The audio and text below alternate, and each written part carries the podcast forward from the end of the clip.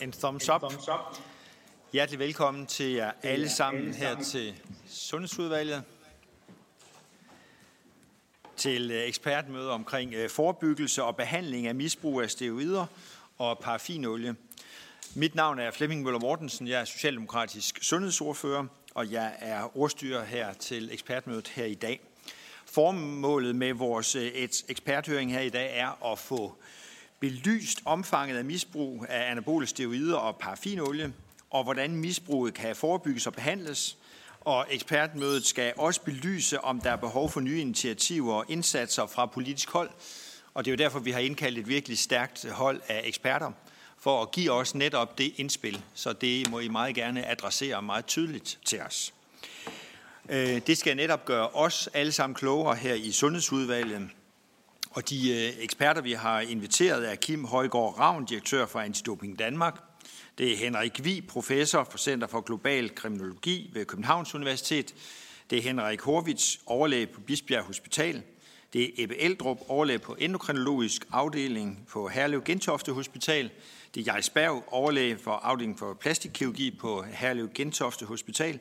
Det er Thomas Fuglsang, ledende overlæge for Centeret for Handicap Psykiatri og Misbrug i Glostrup Kommune.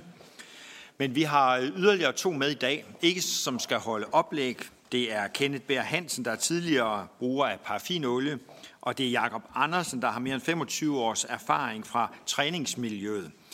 I skal som sagt ikke give oplæg, men I stiller jer til rådighed i forhold til spørgsmål fra udvalget. Det skal I virkelig have tusind tak for. Men en stor velkomst øh, til jer alle sammen. Vi synes, at øh, øhm, eksperthøringen her i dag har ekstremt stor væsentlighed, og vi føler, at det er et ansvar, vi skal løfte politisk. Øh, inden vi øh, går i gang, er der nogle ganske få øh, praktiske oplysninger. Øh, som I kunne høre, ventede jeg lige på klarsignalet i forhold til tv-optagelsen, og det er fordi, det bliver vist på Folketingets hjemmeside. Der kan den også downloades efterfølgende. Og jeg skal også sige til jer, at øh, præsentationerne bliver fuldt med nogle PowerPoint-præsentationer, og de vil blive lagt op på Sundhedsudvalgets øh, hjemmeside øh, senere i dag eller i morgen, så de også kan ses derfra.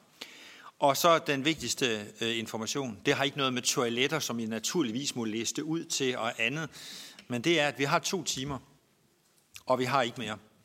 Og jeg ved, det er blevet indskærpet for, for oplægsholderne, at I har det antal minutter, I er blevet oplyst om. Øh, og vi slutter, øh, når klokken den er 15. Så i respekt for alle vil jeg tillade mig at køre det stramt på tiden, øh, og det kan jeg se, at det får jeg nik til hele vejen rundt.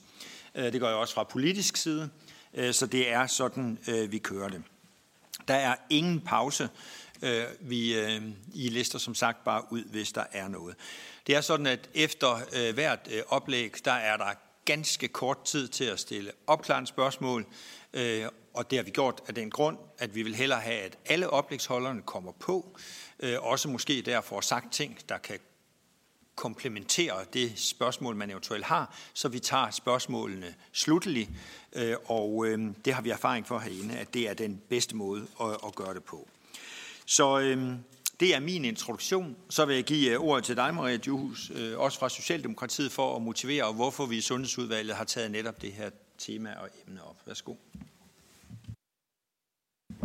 Ja, tak, og uh, også velkommen til alle jer, der er kommet for at overvære høringen, og, ta- og tak til eksperterne for at stille op til det her meget, meget vigtige møde.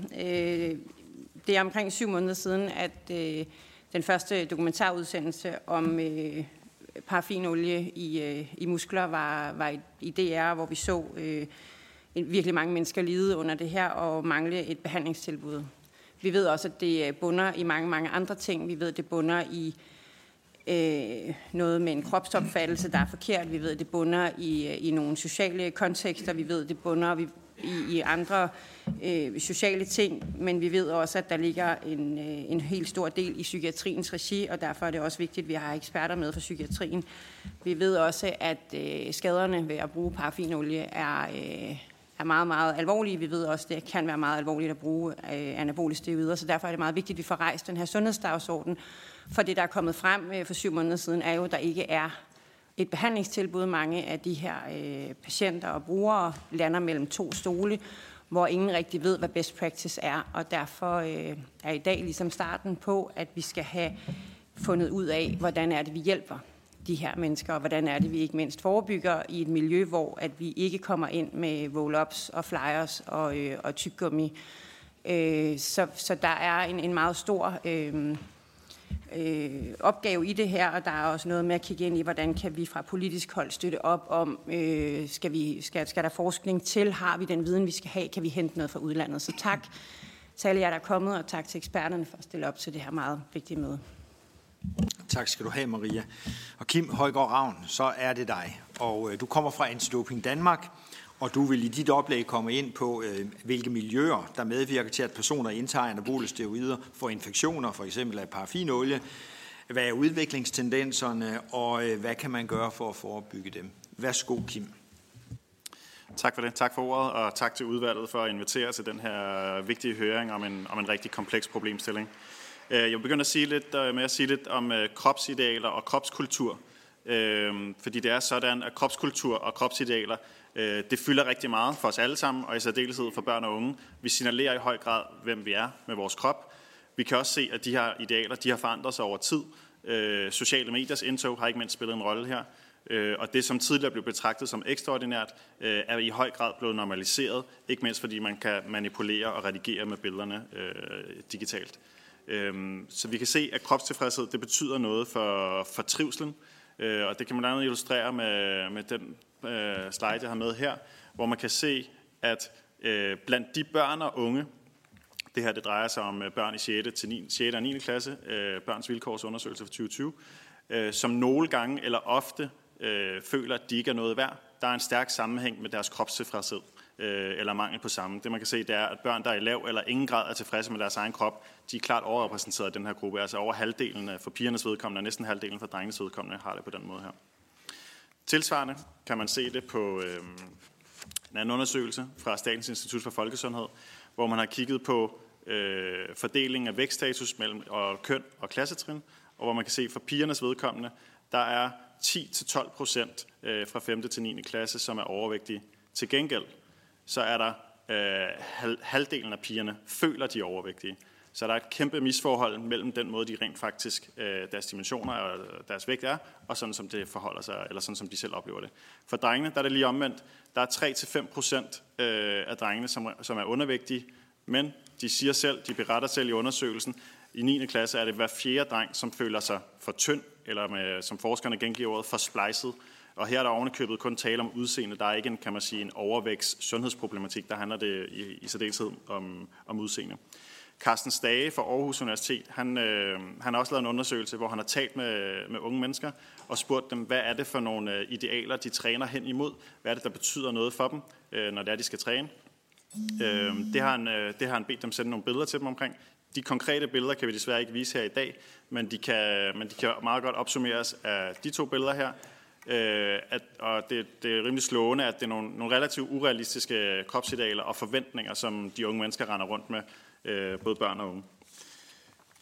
Øh, det vi ved også, det er, at øh, påvirkning fra trænings- og, og andre sociale miljøer, det betyder rigtig meget. Øh, det er ekstra vigtigt, fordi øh, styrketræning og fitness, det er den øh, største motionsform helt ned til øh, 13-årsalderen øh, i Danmark. Øh, det viser Idrættens Analyseinstituts øh, seneste undersøgelse af danskernes motionsvaner. Og styrketræning og motion, det er jo godt. Det er jo en god ting, at, at der er mange, der dyrker det her. Øhm, men man skal bare være opmærksom på, hvad det er for en kontekst, det også foregår i. At man, mange af de her, når det er helt ned til 13-årsalderen, kommer fra en kontekst, hvor de har haft en træner, øh, til nu at, at være i en, i en voksen setting, øh, og hvor det er nogle helt andre ting, der kan være på spil. Fokus er i højere grad på præstation end på, øh, på præsentation end på præstation. Øhm, så det er nogle andre ting, der er på spil. Øh, læg dertil, at i nogle træningsmiljøer, der er det her med brug af steroider og andre muskelopbyggende stoffer, øh, er i et eller andet omfang normaliseret øh, i, i nogle af miljøerne. Øh, vi ved, at øh, øh, personalet og øh, autoriteterne, de har rigtig stor øh, altså, autoriteterne i miljøet, de har en rigtig stor betydning for, hvordan de unge mennesker opfatter det her, de kulturbærere. Øh, desværre er det også sådan i rigtig mange fitnesscenter, der er rigtig meget tid, som er ubemandet øh, som også kan have en betydning for, at de unge mennesker kan være lidt udfordret derude. Øh, tilsvarende med de personlige trænere og kostvejledere, øh, som også har en, øh, en stor betydning for de unge mennesker, øh, og som har, øh, men som er en, hvad skal man sige, en helt ureguleret branche, forstået på den måde, at, at vi kunne alle sammen i morgen kalde os øh, personlige trænere eller kostvejledere. Dem findes der rigtig mange gode af, øh, men det er også nemt at... Øh, øh, man, der, der er også øh, risiko for, at der er nogen, der har dårlige intentioner i den sammenhæng. Øh, hvad gør vi så allerede øh, i forhold til forebyggelse i det her område? Jamen, øh, det er lovpligtigt for alle fitnesscenter at skilte med og tage stilling til, om de ønsker at, at styrke øh, sunde træningsmiljøer i samarbejde med Antidoping Danmark. Øh, på den måde kan man sige, at det er deklareret. Det er en slags forbrugeroplysning, når man træder ind i den her arena, eller man sender sine børn ind i det her miljø, om det her center har taget stilling til, om de ønsker at skabe sunde træningsmiljøer. Øh, og i vores forebyggende arbejde, øh, der er samarbejdet med centrene og personalet rigtig vigtigt. Øh, vi har fokus på synlighed derude, dialog med personalet og med medlemmerne, Øh, og så foretager vi også dopingkontrol, når vi vurderer det relevant.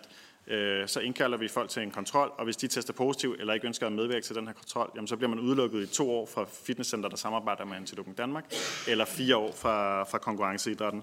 Øh, og det er egentlig, der kan man sige, på den måde dopingkontrol faktisk også et forebyggelsesværktøj i den her sammenhæng, i og med, at vi fjerner de negative rollemodeller fra miljøet, for at passe på, passe på de her gode, sunde træningsmiljøer. Øhm, og derfra kan man så sige, og det er også derfor, vi er samlet her i dag, der slipper vi dem, så man kan sige, vi, vi, øh, vi, vi er med til at give dem den her udelukkelse, men derfra der har de ikke mulighed for at henvende sig nogen steder, eller vi har ikke mulighed for at henvise dem til et, et specialiseret behandlingstilbud. På forebyggelsesfronten, der har vi også det her projekt, som vi laver i samarbejde med Foreningen Spisestyrelse og Selskade og øh, med støtte fra Nordea-fonden og Sygeforsikringen Danmark, øh, hvor vi helt ned på 6. klasses niveau taler med, med børnene. Det kan vi fortælle om en anden gang, men bare for at give det fulde billede af, af forebyggelsesindsatserne. Fordi det, som i, i virkeligheden er, er fokus i dag, og som er endnu mere centralt, det er der, hvor, hvor vi har hvor vi har mangler. Vi ved meget om miljøerne øh, og motiverne og konsekvenserne, men vi har brug for endnu mere øh, data og viden om, hvad der skal til for at hjælpe de her mennesker. Øhm, det vi også ved, det er, at der går stort set altid ud øh, brug forud for parafinolieinjektioner.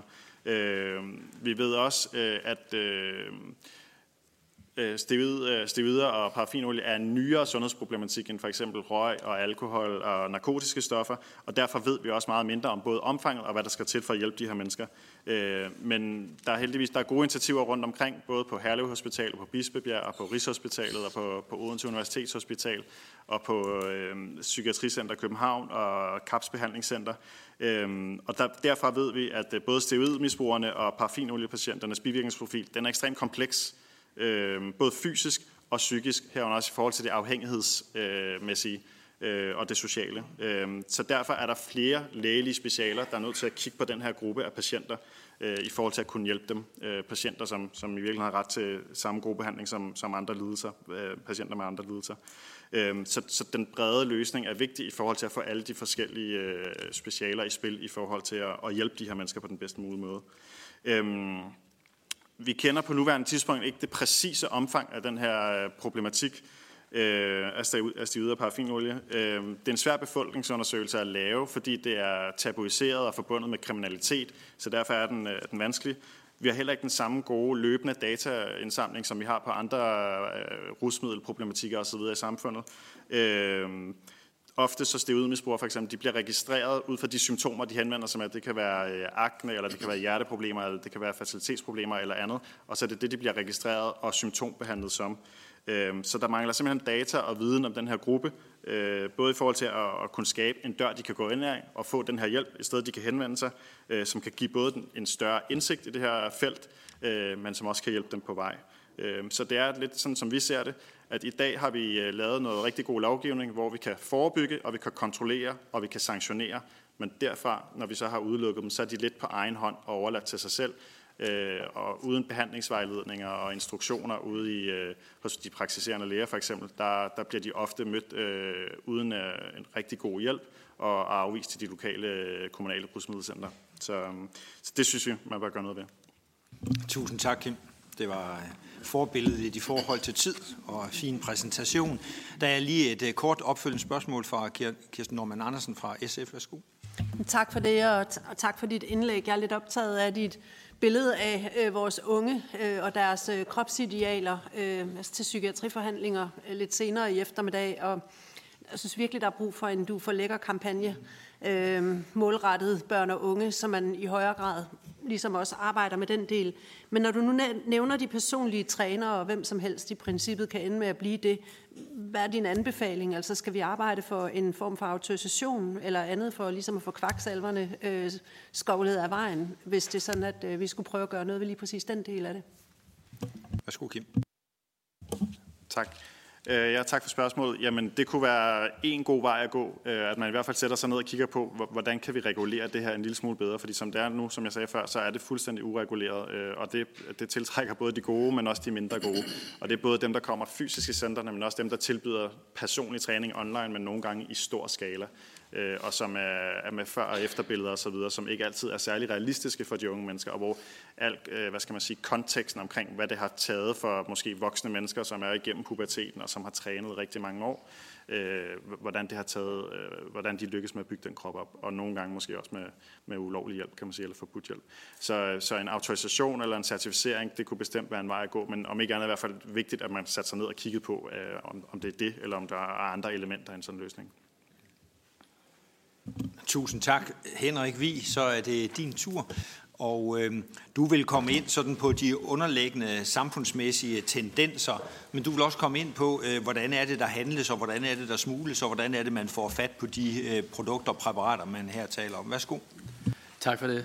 Uh, vi uh, fordelte uh, opgaverne lidt mellem os, så uh, Kim fik de underliggende samfundsmæssige tendenser, og så holder jeg mig mere til det kriminologiske, hvilket også det er øh, ved mest om her. Jeg laver forskningsdesign og kriminologisk forskning på Københavns Universitet, hvor jeg er leder for Center for Global Kriminologi.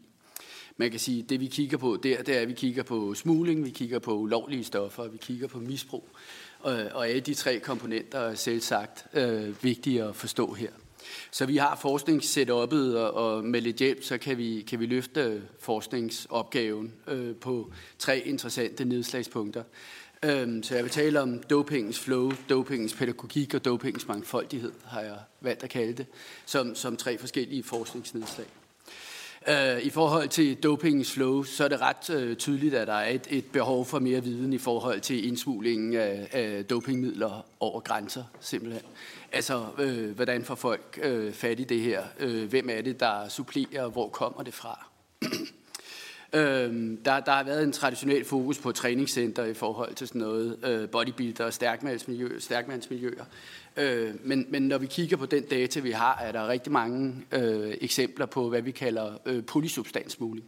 Altså, der kommer nogle ret store mængder over, og de mængder, der kommer over, bliver smuglet over øh, med andre ulovlige stoffer, kokain, has, så videre, så videre, så videre. Og det i sig selv er, er interessant for os. Når man kigger på dopingens flow, kan man sige, okay, på den ene side, så er der sådan en, en gammeldags indsmugling, som vi kender, indsmugling af ulovlige stoffer. Så er der en anden side, som er, er måske mere massiv og, og, og i højere vækst, og, og det er indsmugling af doping via post- og pakkeflows. Og der mangler man altså også øh, ret grej viden. Man kan på to eller tre klik øh, klikke sig ind på et online øh, apotek øh, og få sendt dopingpræparater øh, direkte til sin hjemmeadresse eller til en pakkepost. Øh, det er en logisk udvikling. Vi ser, at handlen stiger rigtig meget. Det er sådan, folk køber ind, og så kan man sige, så følger kriminaliteten øh, efter. Øh, og der er en massiv øh, øh, stigning i beslaglæggelser, og det er fordi vores toller og vores politi er gode. Men, men vi vil ret gerne øh, nørde det her noget mere, der hvor jeg kommer fra. Altså, øh, og, og med lidt mere åbenhed for toller og politi, så kan vi virkelig få en indsigt i det her. Øh, øh, det, det er en vigtig del af det. Så dopingens flow, altså en mapping af flows og en undersøgelse af forskellige modaliteter. Hvordan gør man egentlig det her, også som bruger? Hvordan gør vi egentlig det her, hvis vi ser på unge mennesker eller folk i miljøerne, der, der, der bestiller doping? Ja i forhold til dopingens pædagogik og praksis. Jeg ved godt, det lyder lidt mærkeligt at kalde det dopingens pædagogik, men det er fordi, det gik op for mig, at en del af det her er faktisk øh, ret pædagogisk øh, minded. Så, så når man er i centrene, så er der nogen, der kan hjælpe dig lidt til at sige, du skal ikke tage den der sammen med den der. Øh, og folk bliver spurgt, hvad gør jeg, hvis jeg gerne vil vokse her, eller hvad, hvis det nu skal gå lidt hurtigere. Så der er sådan et pædagogisk, nærmest sådan omsorgs øh, arbejde, der sker i nogle af de her miljøer, hvor folk faktisk hjælper hinanden, øh, og, og, og nogle gange også øh, med gode intentioner i, i forhold til at, at dope sig på en måde, så man mindsker skadeseffekterne. Øh, det, der også er interessant, det er en del af det også online. Så vi har nogle online tutorials igen. Altså hvis man er nysgerrig på det her, så kan du klikke dig ind online, og så kan du simpelthen øh, øh, få en direkte pædagogisk øh, øh retningslinje til, meget pædagogisk lavet retningslinje til, hvordan doper du dig bedst, og hvordan gør du det her, så, så det fungerer bedst. Og det skal vi også have mere viden om. Der er nogen, der skal ind og, og åbne de her øh, øh internetforer og finde ud af, jamen, hvem er det, der udbyder det her? Øh, hvad er det, der ligger bag af idéer? Tit er det jo også de samme steder, hvor der er salg. Øh, det sidste, jeg gerne vil snakke om, jeg er bevidst om, at jeg skal fatte mig i korthed, og jeg er universitetsmand, så det er jeg ikke vant til. Det sidste, jeg gerne vil snakke om her, var, var dopingens mangfoldighed. Øh, der var en øh, meget fin gammel kriminolog, der hed Niels Christi, der sagde, jamen i virkeligheden, når vi taler kriminalitet, så har vi altid en idé om det ideelle offer og den ideelle øh, gerningsmand. Og det har man også, i, i, når man taler doping. Ikke? Så vi har tit en idé om, om øh, øh, nogle store brød, der, der tager masser af doping. Øh, øh, og igen de her træningscenter, stærkmandskonkurrencer øh, konkurrencer osv. osv., osv. Men, men jeg vil også godt, øh, og gerne i samarbejde med Antidoping Danmark, øh, have åbnet den kasse lidt og fundet ud af, jamen, hvad ligger der egentlig i den mangfoldighed af, af, af øh, grupperinger. Altså, så, så klart, man har de folk, der gerne vil have massiv muskelvægt. Vækst, dem ved vi ligesom, hvad er. Men, men der er undersøgelser fra USA, der siger, at den øh, populationsgruppe, der doper sig mest, det er altså øh, øh, mænd mellem 35 og 55, som mikrodoserer, fordi de øh, øh, øh, panikker over deres øh, testosteronniveauer på vej ned. øh, øh, og de ikke helt synes, de kan, hvad de plejede at kunne osv. Så, så der er nogle grupper der, jeg gerne vil have fat i. Og i dopingsmangfoldighed, så er der altså også nogle nye produkter, vi gerne vil have fat i. Øh, vi ser nu, at WeGoE og nogle af de her øh, fantastiske produkter fra Novo faktisk er begyndt at komme i omløb på det sorte marked og så videre.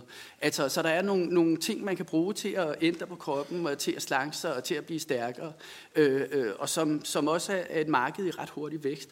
Og det vil vi rigtig gerne ind og undersøge, jamen, hvad er det, der sker her. Vi har forskningssetuppet, Vi har Københavns Universitets øh, samfundsvidenskabelige fakultet. Vi har, har utrolig mange, utrolig gode øh, specialstuderende.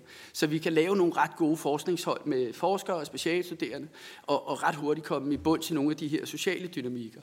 Øh, og det vil vi super gerne med lidt, med lidt hjælp, og vi vil super gerne samarbejde med, med de folk, der er her. Det er, det, der er et øh, utroligt dygtigt miljø øh, til at kigge på de her ting i Danmark allerede.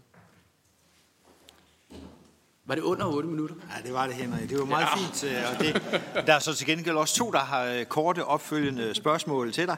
Først er Per Larsen fra Konservativ Folkeparti. Værsgo, Per. Ja, tak for det, og tak for et, øh, et fint oplæg, og øh, rigtig fint jo med forskning på området, fordi det er der bestemt behov for. Men øh, jeg synes jo, det virker en lille smule skræmmende, det her med, at man øh, har så let tilgængelighed i forhold til nogle af de her præparater, som man åbenbart bare kan bestille, øh, og så får man dem leveret hjemme på hjemmeadressen. Øh, er der nogle, nogle øh, redskaber, som man øh, mangler øh, hos øh, myndighederne i forhold til at kan sætte en stopper øh, for at i, øh, intensivere kontrollen af det, der kommer ind? Altså, øh, noget, noget af det, vi øh, ser, når vi kigger på politi og 12 i forhold til det her, og der vil jeg gerne sige, det er altså ikke, fordi vi har dårlig politi og 12 i Danmark. Tværtimod, de er faktisk rigtig gode. Men der er nogle af de her irregulære produkter og ulovlige stoffer, der kommer ind, hvor, hvor trykket simpelthen er så stort. Øh, så, så folk, der smugler ulovlige stoffer, gør det tit der, hvor der, der er mest tryk igennem. Øh, så øh, poster og pakke og så videre, der kan man simpelthen ikke tjekke det hele. Øhm, og, og problemet er, at hvis man tjekker det hele, så laver man forsyningskædeproblematikker, og så, laver man, øh, så bliver folk sure, fordi de ikke får deres, øh, deres regulære varer osv. Så, videre. så det, det er meget en balance, hvor meget kan vi gå ind, hvor meget kan vi tjekke, og hvor meget skal vi, skal vi lade igennem. Øh, svaret på de spørgsmål, der hvor jeg står, det er et bedre EU-samarbejde også. Øhm, så vi ser øh, øh, øh, internt i EU, at der er der nogle steder, hvor man har nogle andre regler i forhold til dopingmidler, og man har nogle andre regler i forhold til online-apoteker og så videre, og de kan sælge nogle andre produkter i resten af Europa. Og der er vi jo... Der har vi jo lidt en klods om benet i forhold til nogle retsforbehold. Altså, og, og det må vi jo finde ud af, hvordan vi gør. Men, øh, men der ligger jo noget ret godt arbejde i øh, Eurojust og Europol, og, og nogle gode, gode muligheder for faktisk at gå ind og lave noget, noget koordineret EU-samarbejde, også forskningsmæssigt, hvad det er angår. Tak til jer begge to. Værsgo, øh, Kirsten Norman Andersen. Jamen, tak for det. Jeg kan høre, at vi også skal have fokus på farkroppen, så man måske også kan lære at blive glad for den. Og så burde der jo findes et særligt sted i helvede til producenter, der øh, sælger ulovlige stoffer øh, til mennesker. Men det gør der så ikke. Øh, så i forlængelse af Per Larsens øh, spørgsmål, så måske et øh, bud på, er der nogle steder, hvor at, øh, der mangler regulering? Altså parafinolie er jo ikke per definition eksempelvis ulovligt. Øhm, men, men, men man kunne jo godt forestille sig, at der er behov for regulering i forhold til, hvordan at man så vejleder i brugen af det, bare for at tage det som et eksempel. Altså er der nogle steder, hvor vi skal blive bedre til regulering, og så må vi jo tage på os, at kontrolindsatsen i hvert fald også er en ting, som der skal kigges på. Øh, ja, altså måske kan jeg svare lidt på det her, så kan du også svare på det, Kim. Altså noget af det, vi ser, når vi arbejder kriminologisk med det her, er alle de her ulovlige stoffer. Meget tit ændrer sig lige en lille my. Altså der sidder simpelthen nogle, nogle øh, farmakologer og nogle kemikere og finder ud af, jamen så piller jeg lidt ved den her, lidt ved den her. Og så er det næsten det samme, men ikke det samme. Og så, og så forbigår det øh, lovgivningen i forhold til det der øh, øh, meget specifikke øh, apparat, vi har. Øh, loven om fosforiserende stoffer, antidoping og så videre. Så, så, så øh, folk, der arbejder med det her, er jo, altså det er et dynamisk felt, og de er gode til det, de laver. Øh, og de er ret hurtige til, at hvis, der er, hvis man forbyder det ene, så er de ret hurtige til at pille ved en lille, lille krusedulle i den her kemiske struktur, sådan, så det er næsten det samme, men og ikke helt det samme mere. Jeg kan se, Kim, du er klar, men du får ikke ordet. Øh, fordi det er kun, øh, det er kun øh, helt klart opklarende spørgsmål, vi skal have nu, fordi vi får tid øh, til den bredere debat. Så øh, Kim, du har noteret det, det ved jeg. Øh, Camilla Fabricius fra Socialdemokratiet, værsgo. Og så lukker vi den her og går videre til næste oplægsholder. Tak for det. Øh, jeg har øh, som øh, socialordfører for Socialdemokratiet, vi har øh, været på øh, turné til Schweiz og Portugal for blandt andet at se på, på, på misbrugsområdet generelt, og derfor så er jeg også rigtig glad for, at Maria Dyrhus har taget det her initiativ på vegne af Sundhedsudvalget. Det er rigtig interessant. Øhm, der, hvor jeg gerne vil spørge ind, det er noget af det, vi blev gjort opmærksom på øh, i Portugal, var mulighederne for at bruge data via spildevand, og i forhold til det inter, øh, altså det intereuropæiske samarbejde, hvor Danmark måske godt kunne være bedre til at øh, inddrage øh, data og melde data ind. Vil det være en hjælp for jer, hvis I havde adgang til for eksempel øh, spildevandsprøver, eller til, det, øh, til at øh, det europæiske øh, drogagentur til at følge data på den måde? Øh, det er et rigtig godt spørgsmål. Så vi samarbejder med MCDDA allerede, som er, er øh, EU's øh, øh, narkoagentur i virkeligheden, eller hvad man nu kalder det. Jeg ved ikke, hvordan man formulerer det. Øh, og de laver de her spildevandsprøver, men man behøver jo virkeligheden ikke EU til det. Altså, det, det er fuldt ud muligt for, for, for øh, individuelle forskningsmiljøer at lave spildevandsprøver. Øh, dag måler på, på kokain, de måler på ketamin, de måler på, på nogle af de stoffer, som man, man tager i nattelivet og bliver skæv af i, i København. Øh, og det er nogle ret grælde øh, målinger fra København ude fra Lynetten, vil jeg lige sige på rigtig mange af dem her. Men så vidt jeg ved, måler de ikke på, på, på det, altså på doping. Men det vil vi faktisk kunne gøre. Altså de forskningsprotokoller og sætte, det, det, øh, øh løse den opgave, vi vil faktisk kunne gøre ret let i, i forhold til en øh, individuel spildevandsmåling øh, øh, fortløbende fra Lynetten. Og så, jeg skal nok fatte mig i korthed, men det er som sagt det er svært for mig. Men, men hvis man nu gør det, det der er så interessant med de spildevandsprøver, det er, når vi gør det, at vi gør det over længere tid. Altså, så hvis man nu siger, okay, men nu giver vi det faktisk 5-10 år, det her, så kan man jo se nogle fantastiske tendenser. Altså, så kan man simpelthen se, hvad der stiger og hvad der falder, hvornår på året det stiger, og, og, og mange af de her ting kan man få helt specifikt øje for, og man kan få tal i en verden, der ellers er præget af mørketal. Ikke? Så man kan faktisk få noget, noget kvantificerbart data i en verden, der ellers, hvor det ellers næsten er umuligt, fordi det er kriminaliseret. Tusind tak skal I have alle sammen. Vi går videre til den næste oplægsholder. Det er dig, Henrik Horvits. Øh, vi skal over til det sundhedsvidenskabelige. Øh, og øh, du vil komme ind på, hvordan resultaterne fra et registerstudie omkring de her personer, og hvordan det er faldet ud. Så værsgo til dig. Ja, jamen, tusind tak for invitationen. Hov, så der kom vi lidt for langt men det er måske udmærket. Øhm, ja. ja, det er det, vi starter med, når vi skal fatte os i korthed. Øhm, ja, men uh, tak fordi jeg har fået lov til at komme her og fortælle uh, om de erfaringer, vi har gjort for de danske sundhedsdata. Uh, jeg er overlæge på Bisbjerg Hospital uh, og arbejder til daglig med lægemiddelgivning på klinisk farmakologisk afdeling, uh, og så er jeg også tilknyttet giftlinjen. Når man ser på det sådan rent forgiftningswise, så er det jo tale, kan man sige, om kronisk forgiftning. Det, det er noget, der tager lang tid, før man rigtig bliver, øh, kommer i problemer. Hvor noget af det, vi skal høre med paraffinolie, der er det måske, kan man sige, en gang, du injicerer alt for meget, og så, så går det galt. Og som sagt, konklusionen her, ikke? Altså, det vil jeg komme ind på om lidt, uden det skal være en reklame for en videre, så er det jo en meget effektiv uh, smutvej til at få store muskler. Øh, men det er forbundet med massive øh, bivirkninger øh, og også en tidlig død. Så vi ser, at øh, de har en tre gange så høj øh, dødelighed som i baggrundsbefolkningen.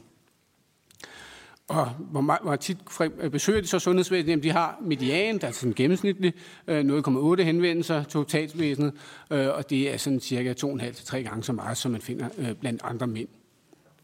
Og de hyppigste bivirkninger, vi ser, det er mandlig brystudvikling, så er det infertilitet, altså nedsat forplantningsevne, og så akne hudlidelser. Og så har vi sådan de dødelige bivirkninger, det er typisk relateret til det kardiovaskulære system. Godt, ganske kort, altså det jeg snakker om, det er en effektiv smutvej til øh, store muskler.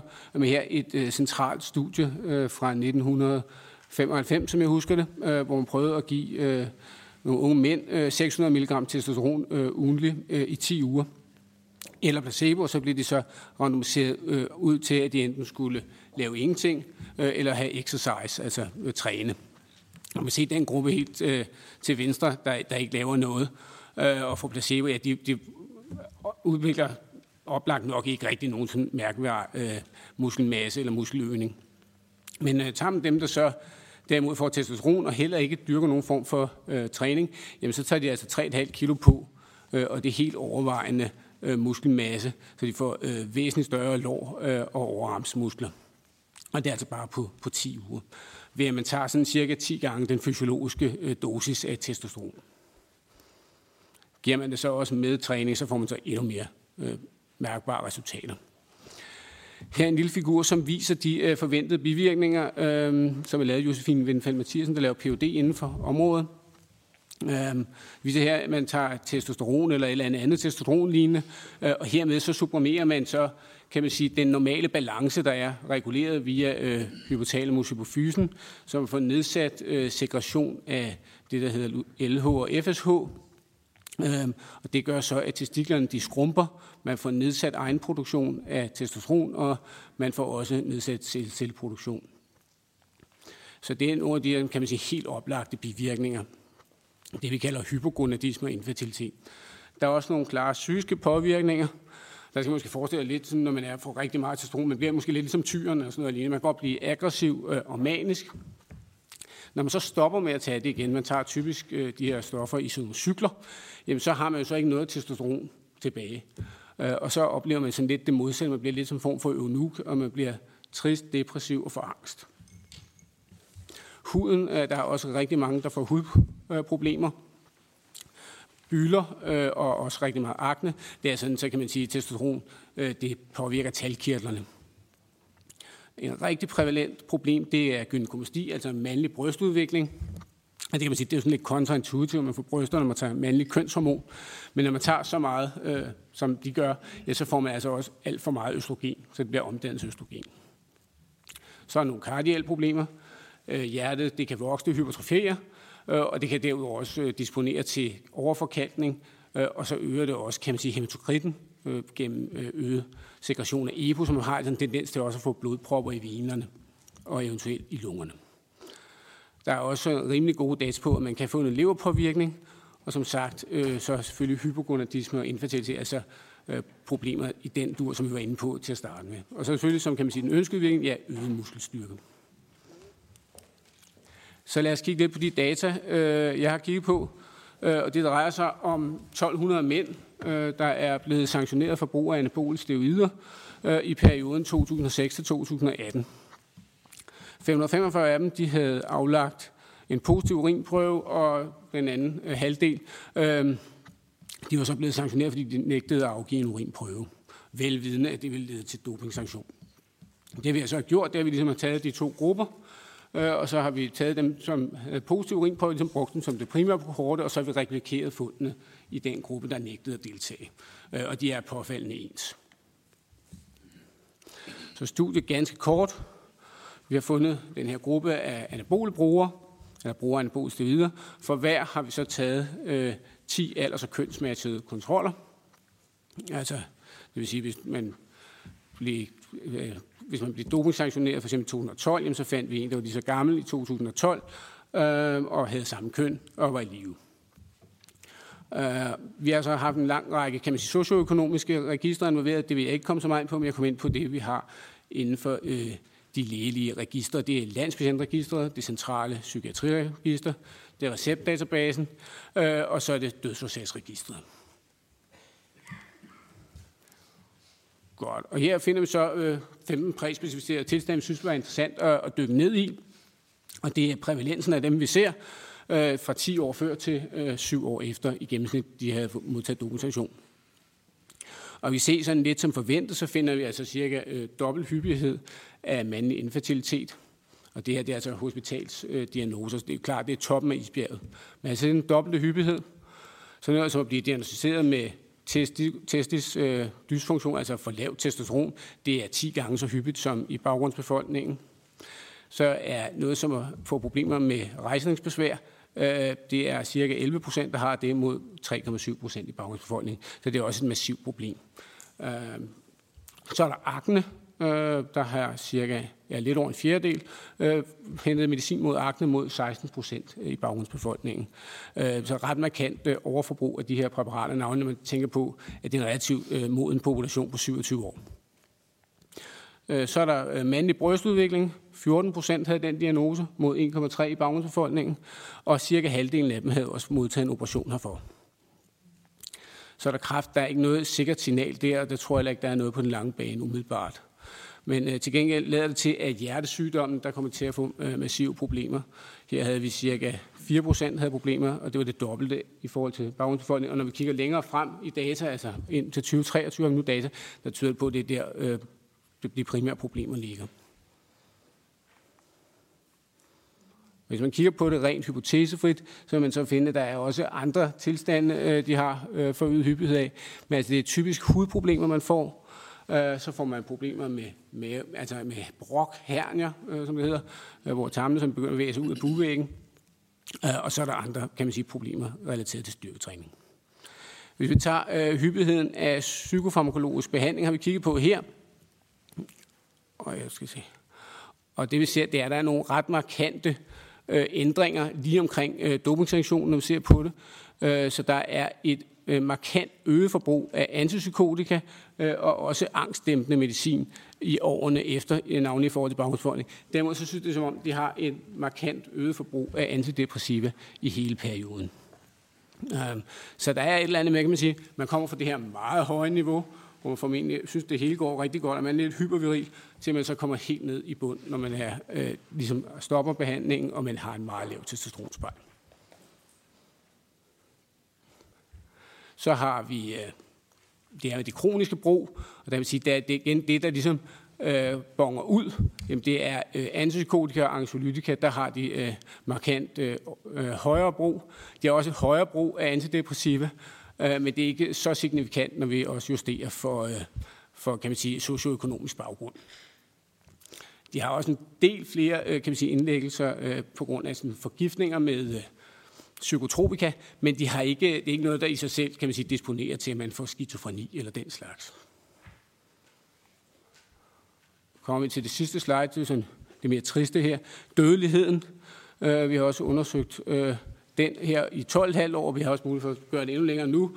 Og det vi kan se, øh, det er, at de har tre gange så høj dødelighed som i baggrundsbefolkningen og det er faktisk signifikant flere, både hvad angår, kan man sige, ulykkesrelaterede dødsfald, men også dødsfald, der relaterer sig til somatiske tilstande, altså som hjertesygdom, cancer osv. Øh, så det er ikke sundt. Faktisk har de her øh, personer altså en, en, en dårligere prognose, altså overlevelsesmæssigt, end, end hvis man er svært overvægtig. Og det var det. Mange tak, Henrik Hovits. Der er to, der har lyst til spørgsmål. Først er Louise Brown fra Liberale Alliance. Værsgo. Tak for det. Øhm, jeg er bare interesseret i, øh, det hele handler om mænd, og det er også godt. Øh, men har vi noget viden i forhold til kvinder? For det, kan vel ikke, det er vel ikke kun mænd, der har de her øh, udfordringer? Uh, nej, altså man kan sige, i det her datasæt, så, så er der næsten ingen kvinder. Der var kun 20 kvinder, så vi kunne ikke lave noget statistik på det. Øh, men man kender selvfølgelig, øh, kan man sige, har nogle erfaringer fra Østtyskland, øh, det gamle DDR. Øh, og problemet er jo sikkert lidt ligesom med mænd. Man får en, en, en øget viralisering, så man får altså mandlig hårvækst og sådan nogle ting. Øh, problemer med fertiliteten også. Tak. Helena Andresen, du frafalder.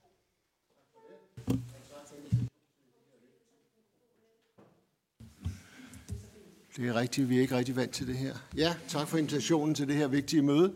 Øh, jeg skal tale lidt om de medicinske konsekvenser, og øh, mm, hvad gjorde du der? Øh, der kom vi lige en gang for langt frem. Det kommer nu. Vi skal lige have det til at fungere. Der er det, ja. Det foregår jo, det her indsprøjtning af paraffinolie under uhensigtsmæssige og indimellem groteske forhold, som det har været vist i de udmærkede fjernsynsudsendelser, der var i foråret, og derfor skal jeg ikke gå nærmere ind på det. Vi har undersøgt det lidt nærmere, og det, som jeg vil vise med det her billede, det er blot, at cirka 60 procent af, af de patienter, som, eller af de personer, som har indsprøjtet paraffinolie, de bliver syge af det mens øh, kun 40 procent går fri for sygdom. Så det har desværre konsekvenser. Øhm, konsekvenserne overvejer en lokal, lokal reaktion. Når man sprøjter sådan noget ind, så reagerer kroppen ved at gerne vil fjerne det med en lokal reaktion, og det er der sygdommen opstår. Øh, og det gør den ved, at de her personer de får en øget betændelsesreaktion. Den er helt central og derfor anført, som jeg har gjort det på det her billede. Det kan vi måle, det skal jeg ikke trætte jer med. Der kommer den her lokalreaktion med de såkaldte øh, granulomer, altså knuder, øh, som desværre heller ikke pynter øh, på lidt længere sigt. Tryk på huden, misfarvning, sårdannelse, tryk på nerver og kar, øh, migration af olien, det vil sige, det flytter sig ned i underarmen på hånden, andre steder på kroppen, Øh, Øh, der kommer ofte ledsagende smerte hos mange, og, og smerte hos de her personer, det er altså noget, der betyder noget. Det er ikke tøsedreng, øh, vi har med at gøre, så det er faktisk et alvorligt problem. Øhm, og dermed opstår der et ønske om at få det fjernet, og det kommer jeg øh, ind på efterfølgende. Mange får en svær kaldsygdom, øh, som øh, på, og nogen får en påvirket kaldstofskifte, og begge dele leder til, at, at, at vi kan få en betydelig sygdom, som ødelægger nyrerne på sigt og eventuelt skaber et behov for dialyse på den lidt længere bane. Øh, der er høj udskillelse af kalk i urinen, og det danner nyresten. Det er sådan, at mellem 36 og 48 procent af de her personer, 36 procent af hele gruppen, de har nyresten. 48 procent af dem er påvirket kaststofskifte. Så det er ganske betydeligt sygelighed, der opstår hos de her patienter. Der er varierende nyrefunktionsnedsættelser, som anført risiko for dialyse, som jo er en temmelig kostbar sag. Øhm, behandlingsmulighederne er der. Jeg skal ikke trætte jer af det her billede, men, men der er forskellige angrebspunkter, og det, der er pointen med det her billede, det er egentlig, at D-vitamin og reduktion af D-vitamin er helt central i behandlingen. Og vi har behandlingsmulighed. Vi har medicinsk behandlingsmulighed, men det er et tvækket svær. Det er prednisolonbehandling, som er omfattet af ganske betydelige bivirkninger. Vi har øh, opgjort det ud fra Herlev Hospital i en ukontrolleret undersøgelse, hvor vi har kommet med forskellige behandlingsforslag eller mangel på samme. Og så hvorfor et kompetencecenter for personer med paraffinolie i kroppen?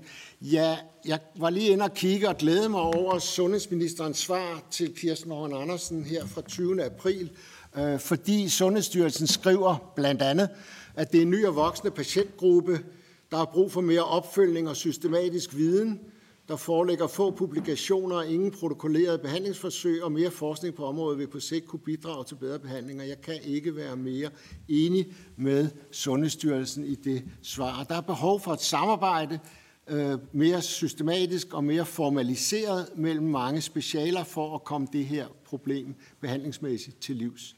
Og også en øget koordinering vil være hensigtsmæssig. Og der er ingen som helst tvivl om, at man kunne lave stort set det samme svar, hvad angår øh, misbrug af anabolsteroider. Det gælder ikke kun paraffinolie, det gælder også anabolsteroider, efter min vurdering. Øh, og så kunne jeg ikke lade være lige at drage det her frem, fordi urologisk selskab, altså nyrekirurgerne, er også blevet spurgt, det er dem, der behandler nyresten, om det her. De skriver, at de skønner højst fem patienter om året behandles, og det, det må jeg altså sige, det er notorisk forkert. Øh, vi har gjort op, at der er 36 procent af de 88, vi, vi undersøgt, som har haft nyresten. Og når man har nyresten som kalkpatient og efter paraffinolie, så er det den ene nyresten efter den anden, den ene operation efter den anden, fordi det opstår hele tiden, fordi problemet, der er grundlæggende, bliver jo ikke løst. Så, så fem er altså en grov undervurdering af problemets størrelse. Vi er en gruppe, der prøver at samarbejde inden for forskellige specialer med udgangspunkt øh, i endokrinologien på Herlev. Det er nævnt her, jeg skal ikke gå det igennem. Vi mangler at etablere samarbejde til smertelæger og psykologer og psykiatrien, som også er en væsentlig del af den her problemstilling, ligesom vi har øh, problemet øh, inden for, for anabolistider. Der er forskellige forskningsmuligheder, som vi bestemt gerne vil tage fat i, hvis det var muligt, for at få mere viden og få samlet mere øh, Øh, baggrund for en optimeret behandling. Jeg skal ikke gå det nøje igennem. Og som Kim allerede har sagt det, så er det rigtigt, når vi kiggede på en gruppe af 88 øh, mænd, der havde sprøjtet paraffinolie for nogle år siden, så havde alle sammen tidligere brugt anabolsteroider. 100 procent. Og det gælder stadigvæk. Og der var stadigvæk cirka hver femte af dem, der fortsat gjorde det. Så det er to problemstillinger, der er tæt associeret, og derfor også naturligt, at vi har en fælles øh, møde om det i dag. Misbrug af anabole steroider, det har været sagt faktisk af Henrik, så jeg skal ikke gå det igennem. Der er psykiske påvirkninger, der er somatiske påvirkninger, ikke mindst af hjerte, øh, som øh, bestemt er farlig, og der er en overdødelighed, øh, som Henrik øh, også sagde det flere blodpropper osv. Og så er der efter ophør den psykiske og den fysiske afhængighed, som er kæmpe store problemer. Der kunne sagtens, og der er delvis etableret et samarbejde om anabolesteroider med Rigshospitalet, med øh, Odense Universitetshospital, som det er sagt her, med psykiatrien, med farmakologien og med kriminologien. Og det samarbejde kunne vi godt tænke os at formalisere og, og dyrke yderligere, sådan at det ligesom også var noget, Sundhedsstyrelsen øh, accepterede, at det var sådan, det foregår. Lige nu er det sådan set på eget initiativ, og egentlig noget, vi bare gør, men egentlig ikke noget, vi har fået sanktioneret i nogen sønderlig grad. Det kunne vi godt tænke os Sundhedsudvalgets hjælp til. Øh, så derfor et forløbigt projektbaseret kompetencecenter synes vi er meget vigtigt som på Herlev Gentofte Hospital og Aarhus Universitetshospital kunne behandle specialiseret omkring paraffinolie, og i samarbejde med Rigshospitalet og Aarhus Universitetshospital kunne tilbyde specialiseret behandling til steroidmisbrugere. Samtidig med, og ikke mindst, at vi opsamler noget viden og behandlingsbehov, som vi kan sprede ud efterhånden og få nogle nationale behandlingsvejledninger, fordi selvfølgelig skal det på sigt ikke kun foregå få steder. Tusind tak, Ebbe Eldrup. Øh, jeg kunne øh, se, øh, Kenneth Bær Hansen, at du reagerede på det der med nyresten. Har du en kommentar hertil, så må du gerne komme med den nu. Jeg har mange, bliver behandlet hele tiden, så det går ondt. De kommer hver sommer. Ja, det... Ja, ja, ja. Tak skal du have. Så er det, der er et spørgsmål fra Kirsten Norman Andersen. Værsgo. Jamen, tak for det. Øhm, jeg vil starte med at sige, at jeg er også glad for svaret fra sundhedsministeren. Men, men, men, øh, men jeg tror måske, altså spørgsmålet til dig er også, altså hvis man skal ende der, hvor at vi reelt får en behandlingsplan, der er målrettet den her type patienter, som jo utvivlsomt er i meget, meget stor pine. Øhm, er det så din oplevelse, at, øhm, at der er behandlingsmuligheder i dag, som patienter ikke får adgang til? fordi at der er mangel på viden. Det kunne for eksempel være i forhold til øh, nyresten. Jeg noterede mig i hvert fald i, i tv-udsendelsen, at der var øh, flere mænd, som gav udtryk for, at der ikke rigtig var nogen, der reagerede på deres symptomer, deres problemer deres smerter, og at de derfor kom til at opleve, at de gik i evig lang pine, fordi der manglede viden. Eller, så, så, så, så spørgsmålet er i virkeligheden, om, om vi i dag er i en situation, hvor vi kan sige, at der er nogle patienter, der ikke får den rigtige behandling, fordi vi ikke er dygtige nok og derfor skal vi gøre det, som sundhedsministeren også peger på. Tak for spørgsmålet. Ja, det tror jeg desværre, jeg er nødt til at sige ja til. Øh, fordi øh, det, det, det er sådan, at der er ikke en generel viden omkring det her. Dels på nyrestensområdet er den faktisk relativt lav og relativt generelt landet over. Det er ikke få øh, perifære dele af landet, det handler om. Det er faktisk helt centralt, at der ikke er den nødvendige opmærksomhed på, hvad der ligger bagved Øhm, og det handler lidt om, at nu skal jeg ikke gå i detalje, men det handler lidt om, at, at, at i virkeligheden så måler man kalk hos alle de her patienter, men det kan godt være normalt, og så er kalkstofskiftet alligevel påvirker, og så får man alligevel nyresten. Så man opdager ikke rigtigt, hvad det er, der foregår. Så ja, Øh, og det er det, vi, vi skal have bredt ud og gjort opmærksom på og derfor er sådan en møde her, og den presse, der følger med, jo naturligvis indsygt vigtig for, at vi får noget ud omkring det her, og også på den profilaktiske side, det siger sig selv. Tak for det. Og det er jo noget, vi også er lidt beskæftiget med her i Sundhedsudvalget generelt. Altså, hvordan kan det være, at viden ikke indlejer os bedre i de, øh, i de faglige og kliniske regier? Øh, men øh, vi gør, hvad vi kan herfra også. Det er godt. Så går vi videre til næste op. Nå, øh, undskyld, der var Helena Andreasen. Værsgo med et spørgsmål. Tak. Øhm, jeg er også lidt øh, nysgerrig på det her med behandlingstilbud. Øh, så vidt jeg ved, er megareksi ikke en øh, anerkendt diagnose i Danmark, om det spænder ben for, at man kan give de her patienter noget mere behandling. Det tror jeg faktisk ikke. Nu har vi jo dog fået en diagnose i april måned for øh, øh, følgetilstand efter indsprøjtning af paraffinolie, har, har Sundhedsstyrelsen faktisk lavet. Øh, så jeg tror ikke, at diagnosen i sig selv er problemet. Jeg tror mere, at det er problemet, når du får sådan en patient der døren, ved du så, hvad du skal gøre ved det, eller hvor du skal henvise patienten til, og den viden er måske ikke helt så optimal, som den kunne være. Mange tak. Så går vi videre til det næste oplæg, og det er dig, Jais Du kommer også fra Herlev Gentofte Hospitalmand fra plastikkirurgisk afdeling. Og du vil fortælle noget omkring, øh, mm, indblik, der er i forhold til konsekvenser og behandlingsmuligheder. Værsgo. Ja. tak for ordet, og tak for initiativet. Jeg arbejder på samme hospital som Ebbe Eldrup og hans forskergruppe, og øh, min snak her, det er på foranledning af det, fordi den forskergruppe leder jo med lys og lygte efter behandling af de medicinske følgevirkninger af paraffinolieindsprøjtning. Øh, og jeg skal fortælle noget om de kirurgiske aspekter, fordi øh, kunne en del af behandlingen bare være opereret ud, hvis man kunne det. Øh, de øh, forhold, jeg skal tale om, det er altså nogle senskader, som vi ser sent i forløbet, efter man har indsprøjtet paraffin. Og øh, øh det er muligvis ikke repræsentativt for alle. Øh, der er et stort mørketal, der er en stor gruppe, som vi slet ikke har kendskab til, som vi ikke ser i hospitalsvæsenet. Øh, men jeg viser eksempler på, hvordan det kan gå, hvis det går rigtig galt. Øhm, jeg har nogle patientbilleder med, og det er patienter, der alle sammen har givet tilsavn om, vi må vise det, men det er også sløret behørigt selvfølgelig. Sådan der. Øh, når vi snakker om paraffinolie, så skal man forstå, at øh, øh det er virkelig mange ting. Øh, når, vi, når vi snakker om site øh, enhancement øh, olier, så er det mange ting. Øh, og det kan både være forskellige former for destillater fra petroleum, Øh, det kan også være øh, sesamolie, olivenolie og alt muligt andet. Øh, men der er god grund til at tro, at de under et opfører sig på samme måde, når de indsprøjtes i kroppen, og jeg vil kun fortælle om det, øh, hvordan det er med paraffinolie, fordi det er det, vi ser. Det er det, der har været brugt. Øh, det er en farve- og lugtløs blanding, så den kan måske forekomme at være ret uskadelig, når man kigger på den lige inden man skal ind og sprøjte den ind. Øh, den har lipofile egenskaber, det vil sige, at den er uopløselig i vand. Det forekommer vidt og bredt omkring i industrien. Vi bruger det også i kosmetik, og det bliver brugt som afføringsmiddel, og der er det uskadeligt. Men det er skadeligt, når man sprøjter det ind i kroppen, og kroppen vil reagere på det med lokale reaktioner, svær hudirritation, det vi kalder inflammation, smerter og hævelser, der kan være sårdannelser, der kan komme tilbagevendende infektioner, der kan også komme vævshenfald, eller det man kan kalde dødt kød eller nekroser, øh, spontant på baggrund af det her, der så at sige arbejder sig ud gennem huden.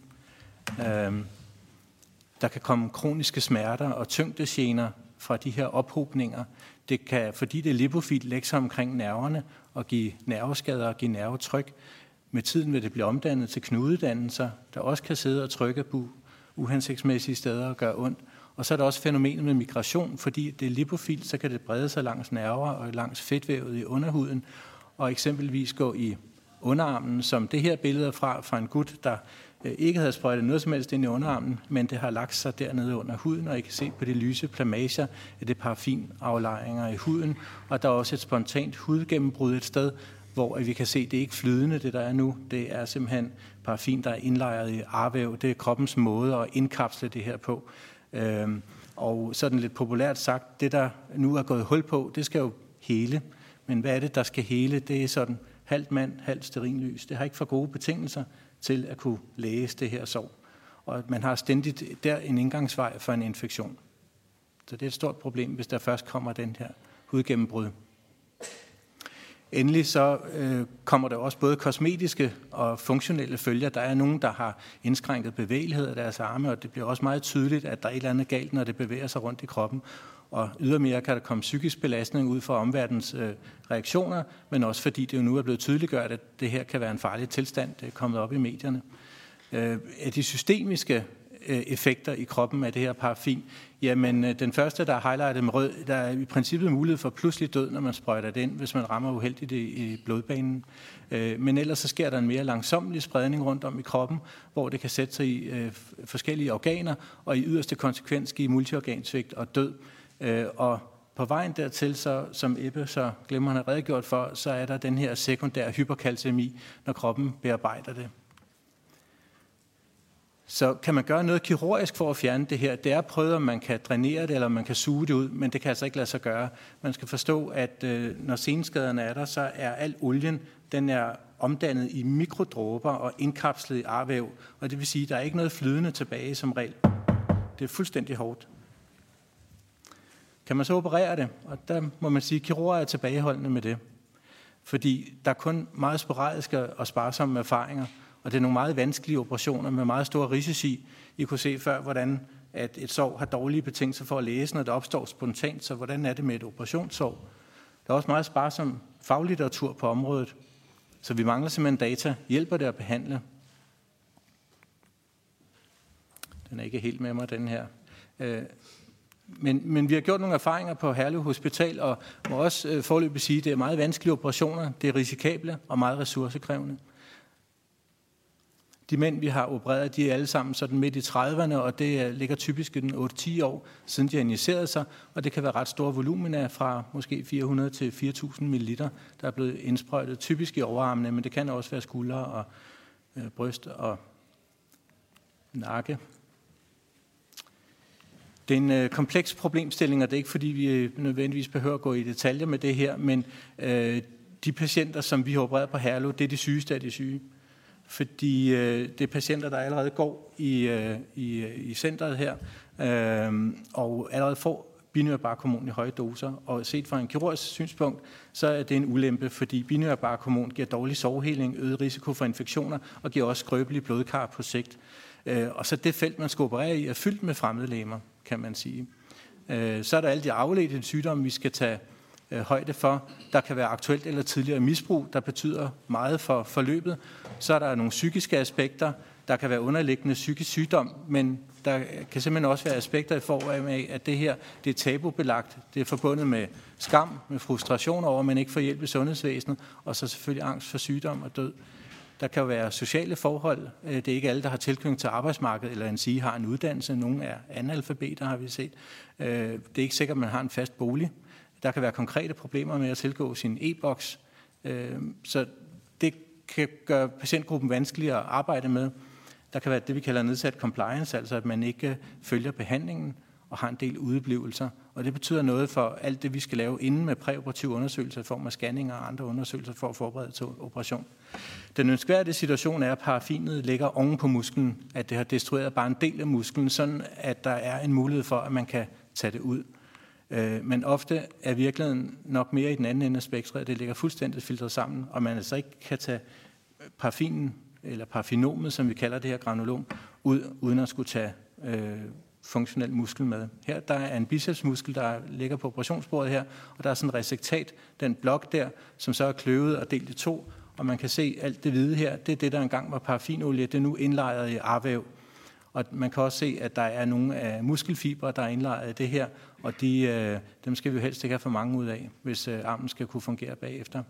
Det kan godt lade sig gøre at operere. Den her mand har fået opereret to liter ud, og vi har fået fjernet skønsmæssigt 90 procent af det hele. Øh, men der er meget stor risiko for komplikationer ved det her. Vi ser store blødninger, eventuelt transfusionskrævende infektioner, væskeansamlinger, ringen sovheling med risiko for kroniske sår, som har meget, meget dårligt potentiale for at hele. Øh, der kan være kroniske smerter som følger operationen med nervepåvirkninger, nedsat muskelkræfter og invaliditet. Når man kigger på de mulige gevinster, som det tegner sig lige nu, så kan det være, at kirurgien kan afhjælpe smerter og tyngdesgener. Det kan være, at det kan give noget psykisk bedring og forhåbentlig helbrede hyperkalcemi.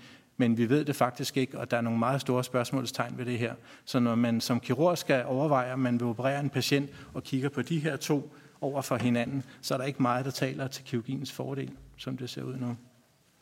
Og derfor er vi tilbageholdende og skal være tilbageholdende. Vi mangler simpelthen data. Nytter det noget at behandle?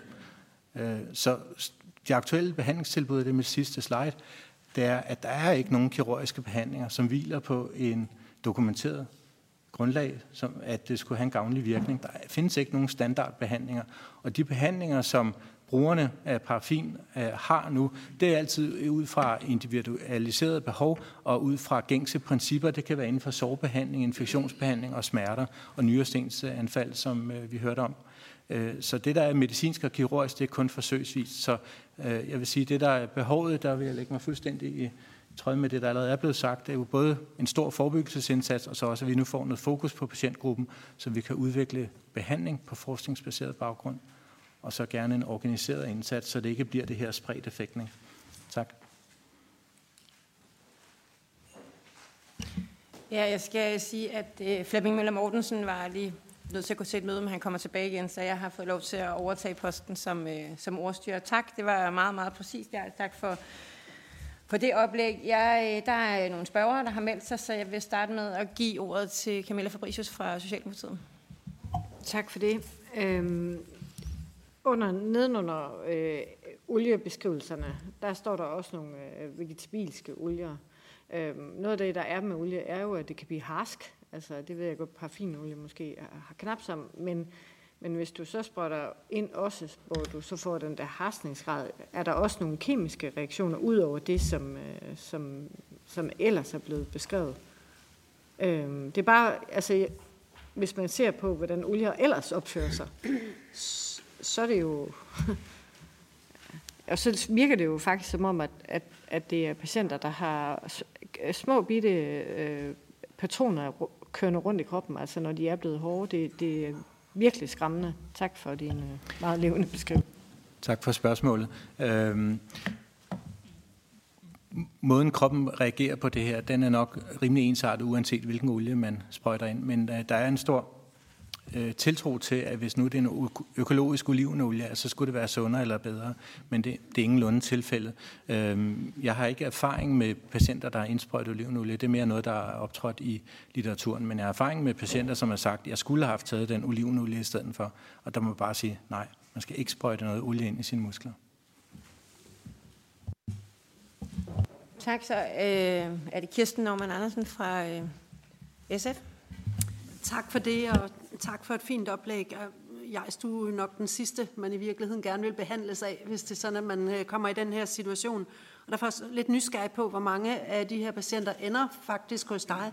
Og har du en oplevelse af, at øh, man måske kunne have forebygget, at det kommer så vidt, at man bliver en patient hos dig?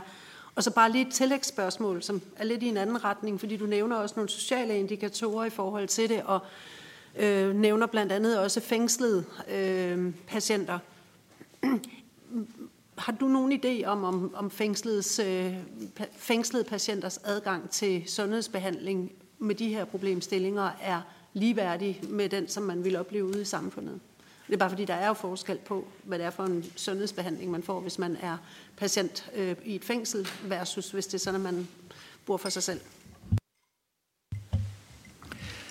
Tak for spørgsmålet. For at tage det sidste først, så har jeg ikke nogen oplevelse af, at der egentlig er nogen forskel. I hvert fald ikke i det plastikkirurgiske speciale. Man får jo behandling, hvis man har behov. Problemet lige med den her patientkategori er, at øh, vi ved øh, jo øh, ikke, hvor mange der er derude, og hvor mange der søger at få behandling. Øh, vi har haft øh, fængslet, som vi har haft inden og, og til forundersøgelse. Øh, men pointen er jo også, at der er ikke nogen standardbehandling lige inden for det her. Og det andet spørgsmål var undskyld. Det andet spørgsmål handlede om, øh, om, om altså, hvor mange af de her patienter ender faktisk hos dig, som jeg oh, ja. betragter som yderste øh, konsekvens, men og kunne man have forebygget, at ja. øh, patienterne endte hos dig? Ja. Altså, vi ved jo ikke, hvor mange der er. Uh, vi ved, hvor mange som uh, forskergruppen har kendskab til, og der har jeg måske set uh, en femtedel af de patienter, og jeg har opereret måske uh, 5 procent. Uh, så, så det er virkelig sådan, det, det spidser til derude i det afsnit af virkeligheden, som jeg ser. Øh, det, som man jo kan frygte, det er, at det, jeg har fremlagt her, beskriver et spontant forløb, et naturforløb, sådan som vil gælde for alle. Men på den anden side har jeg også kendskab til patienter, som har indsprøjtet paraffinolie i musklerne for mange år tilbage, og som øjensynligt ikke har nogen problemer. Så det er svært at sige, om det er noget, der vil komme. Ja, tak. Og inden vi ligger videre, så øh, Jakob Andersen, jeg kunne se, du havde et svar til Kirsten Norman Andersen også. Ja, jeg vil bare lige sige, at jeg har været i den ulykkelige situation, jeg har siddet i fængsel for. Øh, jeg har ikke haft nogen erfaring med paraffinolie, så det vil jeg eksperten ved siden af mig udtale sig om. Men øh, jeg vil sige generelt i fængsler, og det er jo ikke for at sige imod det, du siger, der er det ekstremt svært at få behandling af alle slags. Mm. Prøv at, når du kommer til en sygeplejerske i et fængsel, øh, skal du først kigge, gå igennem den, så kommer du til en læge, der spørger, om du har overlov over alverdens ting. Prøv i fængsel er det ekstremt svært at få nogen form for behandling. Mm. Og det skal jeg ikke sige for øh, at nedjudere dem. Det er virkelig svært. Og på, jeg har set folk komme med kraft, hvor de øh, havde de været udenfor, og de var kommet til deres læge, så havde de øh, overlevet. Øh, jeg har set folk, der, der dør, fordi de kommer for sent. Jeg, jeg har prøvet selv en gang. Jeg var meget ung og dum, tog det videre. Jeg skød mig i benet og fik staffelkokker i benet. Prøv at, jeg gik en uge. Til sidst gik jeg ned og sagde, men jeg må sige til lægen ordret, en af os to kommer på hospitalet nu. Hvis, det, hvis jeg ikke kan komme på hospitalet nu, så er jeg nødt til at gå vold på dig for at komme på hospitalet. Simpelthen så langt du var, jeg havde øh, 32, 42 grader feber og alt muligt, og kunne ikke få lov til at komme på hospitalet, fordi jeg ikke har overlov. Undskyld, jeg kom ind med den sidemærkning. Tak Tak, Jacob. Så har vi næste spørger, og det er Per Larsen fra Konservativ. Ja, tak for det. Og tak øh, for jeres indsats og, og, og god oplæg. Øh, jeg tænker lidt på, øh, det er jo ikke øh, isoleret et dansk øh, fænomen, øh, og der må jo også være noget øh, viden øh, andre steder, at man måske kan øh, parre sammen med det, man ved i forvejen. Og, og jeg tænker lidt på, er der øh, nogle, noget øh, udveksling af viden, og øh, har man nogle behandlingsmetoder andre steder, som man også kunne kigge på? Tak for spørgsmålet. Der er i den grad udveksling af viden i de faglige miljøer, men der er også en vis inerti i systemet. Så de rapporter, der er mest af, det er altså case reports, altså enkelstående tilfælde øh, på nogle ting, der som regel er lykkedes godt, for det er som regel det, der er mest publiceringsværdigt. Øh, nogle overordnede studier, noget med systematisk, der er lavet på rette måde videnskabeligt set, findes ikke. Det findes simpelthen ikke. Og det vil jo være en naturlig konsekvens af at lave et kompetencecenter, at man kan tilvejebringe den forskning, der faktisk kan anvise vejen i behandlingen af det her. Ja, tak. Så har vi øh, det sidste indlæg i dag, øh, og det er øh, Thomas Fuglsang, overlæge Center Handicap, Psykiatri og Misbrug i Gloster Kommune.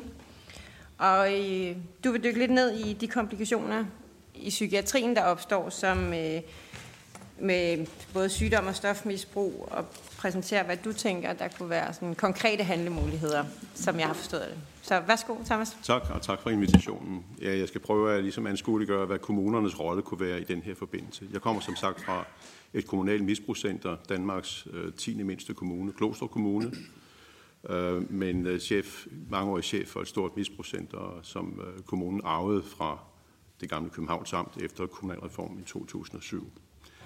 Vi har øh, i mange år flirtet med Antidoping Danmark, og for nylig blev vi inviteret ind i et øh, samarbejde, nogle rundbordssamtaler med Ebbe Eldrup, med Anders Ving Jensen fra Regionen Hovedstaden Psykiatri, og med Kim og hans medarbejdere, med henblik på at søsætte et projekt, som vi har søgt finansiering til, som kunne være belagt med et phd studium som skulle følge en gruppe af Ebbes øh, steroidpatienter fra Herlev Hospital øh, i, øh, over nogle år, og så belægge tilbud, udvide tilbuddet med en udredning for øh, stofmisbrug i øvrigt, øh, for psykisk sygdom, og så belægge det med noget terapi. Og grunden til, at vi som ligesom meldte os på banen der, det er, at vi øh, tænker, at vi ved godt nok øh, intet om oliesygdom øh, eller anabole steroider. Det er i hvert fald ikke ret meget.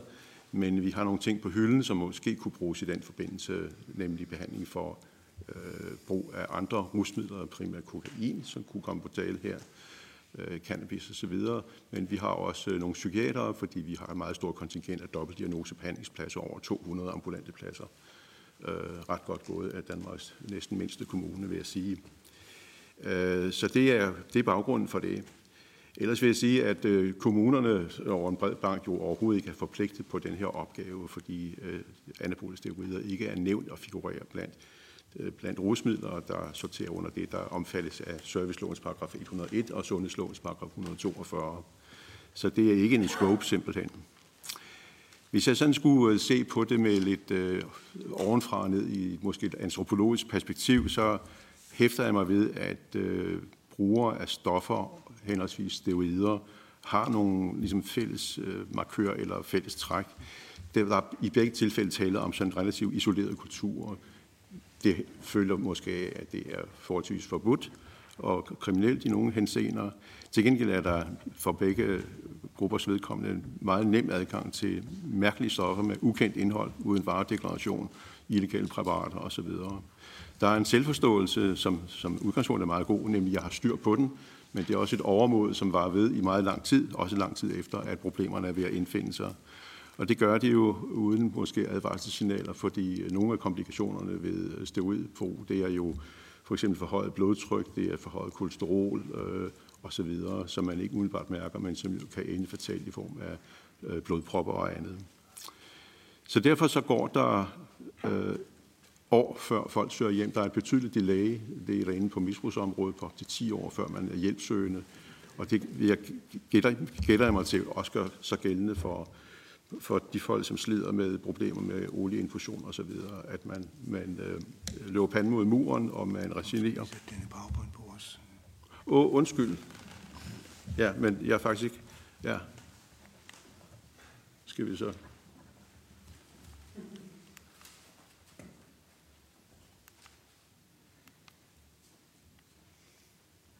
Det må jeg undskylde. Ja, men det var de her ligheder mellem brugere af stoffer og steroider. Fordomme og stigmatisering gælder for begge grupper, kan man så sige. Og bottom line, det er, at de har et relativt stort øh, forbrug af sygehuskontakter og sundhedskontakter i sundhedsvæsenet, men reelt bliver de underbehandlet, fordi de løber ind i, hvad skal man sige, massiv uvidenhed hos øh, helsepersonalet. Det gælder ikke mindst lægerne. Og det hænger altså igen sammen med, at det her, det er jo ikke sådan det er jo ikke pensumstof, når vi ser på lægeuddannelsen. Ja.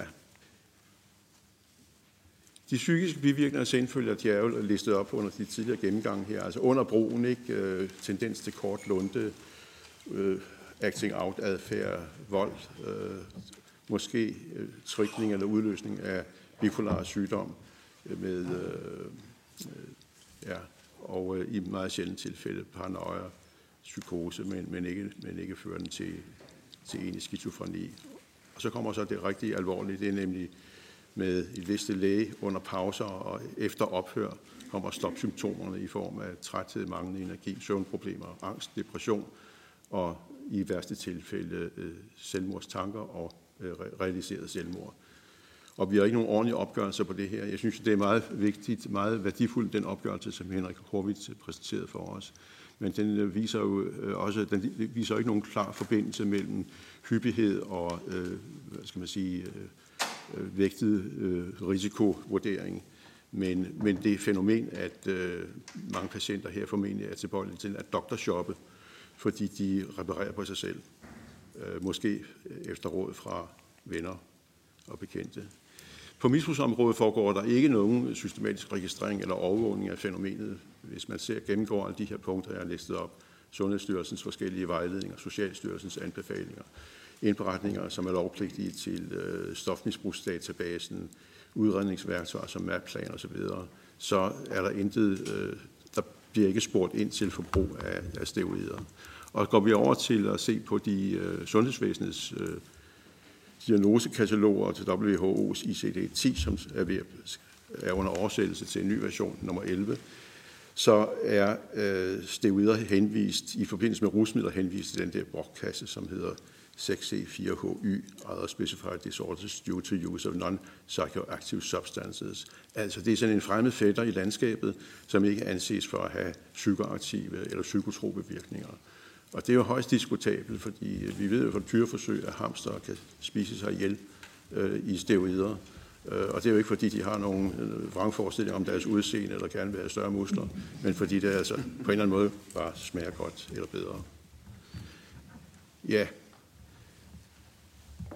I Norge, hvor der jo er etableret et kompetencecenter øh, allerede for 10 år siden, og hvor behandlingen af øh, steroidbrugere er henlagt til den specialiserede tværfaglige øh, rusbehandling, øh, der har man øh, spurgt øh, steroid, norske steroidbrugere om øh, deres oplevelser og deres forventninger til sundhedsvæsenet.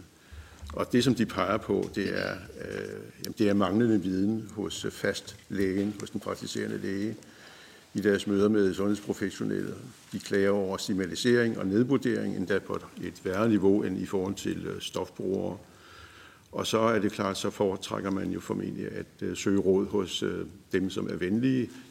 Øh, Henrik Vi nævnte den her pædagogiske indsats, som ydes af ældre brugere i fitnessmiljøet via online tjenester osv. De foretrækker man, øh, og det har de sikkert gode erfaringer med et stykke hen ad vejen, men de er selvfølgelig ikke øh, super professionelle og medicinsk funderet, alle de råd, de får der. De får sikkert også nogle dårlige råd. Bottom line, så viser det sig, at mange alligevel i sidste ende er positivt indstillet over for at få en almindelig helbredsundersøgelse. Man bekymrer sig selvfølgelig omkring sit helbred, når man mærker, at det begynder at knirke. Så det her fænomen, øh, som jo i virkeligheden ikke bare er en dobbelt, ny form for dobbeltdiagnose med en patient, der falder mellem to stole. Det er virkelig en multidiagnose, som involverer både somatiske og psykiatriske komplikationer, ledsagende misbrug Øh, af andre stoffer, som man opaders eller downede, som man reparerer på sig selv med. Det kræver på en tværfaglig og i sidste ende en tværsektoriel organiseret indsats, som involverer en masse af de her øh, sektorer, der er nævnt op inklusive måske kommunale misprocenter, som har noget at byde på, nemlig samtalebehandling i form af motiverende samtale eller kognitiv adfærdsterapi. Men også kommunale øh, børnefamilieindsatser øh, omkring ja, situationer, hvor der er tale om partnervold eller børn, som kommer i klemme i de her ulykkelige situationer. Hvor det skal placeres, ved jeg ikke, men øh, vi har jo en sundhedsstrukturkommission, der sidder og kloger sig på det.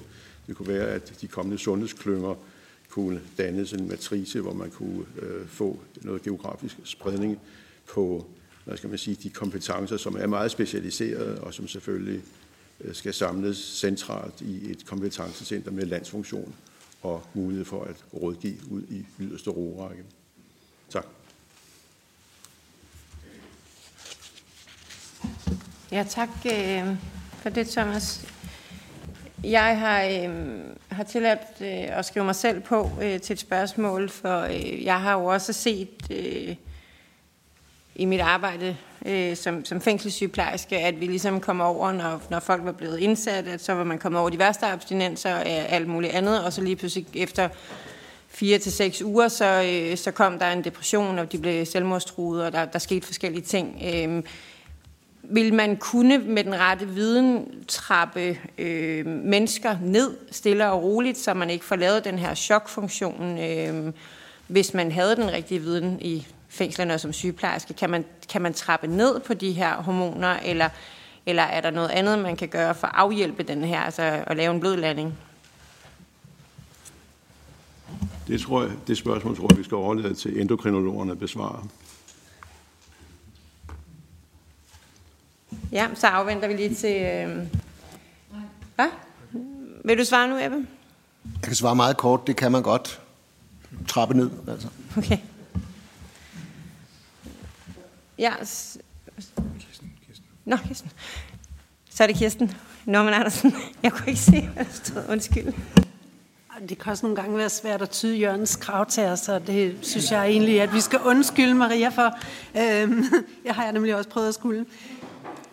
Jeg var lidt nysgerrig på, fordi du har jo rigtig mange rigtige og vigtige pointer med, og noget af det, som sådan nogen som os øh, i Sundhedsudvalget, vi jo beskæftiger os med, det er jo øh, ofte også øh, forebyggelse, øh, og det kan jo altså, der er jo en, en svær balance, synes jeg, mellem øh, løftede pegefingre og hvornår noget bliver til stigmatisering. Og jeg er virkelig bekymret for, om vi her har at gøre med en gruppe af borgere, som øh, føler sig så stigmatiseret, at de ikke får søgt hjælpen i tide, og netop bruger nabohjælp og gode venner og gode råd, og hvad man nu kan søge på nettet.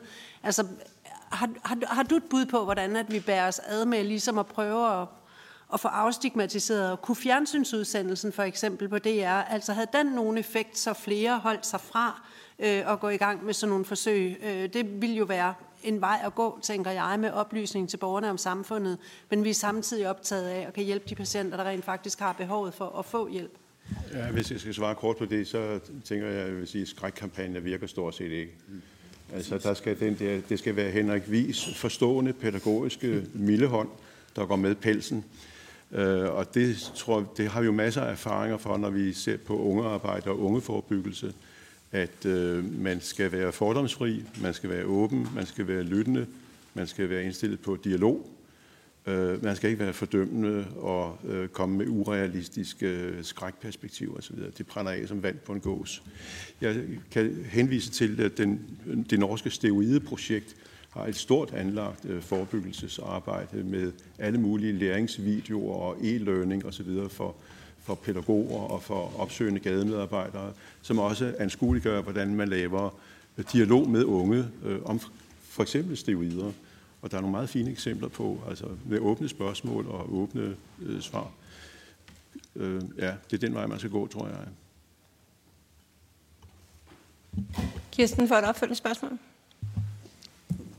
Ja, fordi hvis det var så enkelt, altså hvorfor er vi så i den her situation? Og, og, og, og tænker du ikke, at, at når Jakob og Kenneth og andre, de stiller sig op og, og viser, hvad er konsekvenserne med alvorlig sygdom øh, til følge og risiko for øh, nødvendige operationer og lignende, at det så også er en medvirkende faktor i forhold til at, at forebygge. Altså gode råd er virkelig velkomne. Vi sidder og forhandler forebyggelse i Sundhedsudvalget lige i øjeblikket, eller Sundheds, Sundhedsministeriet i øjeblikket i forhold til tobak og alkohol. Så øh, vi ved jo, at der er rigtig meget af det, vi har gjort af pædagogiske øh, redskaber, som ikke har fungeret. Hvad skal der til for, at øh, vi bliver klogere?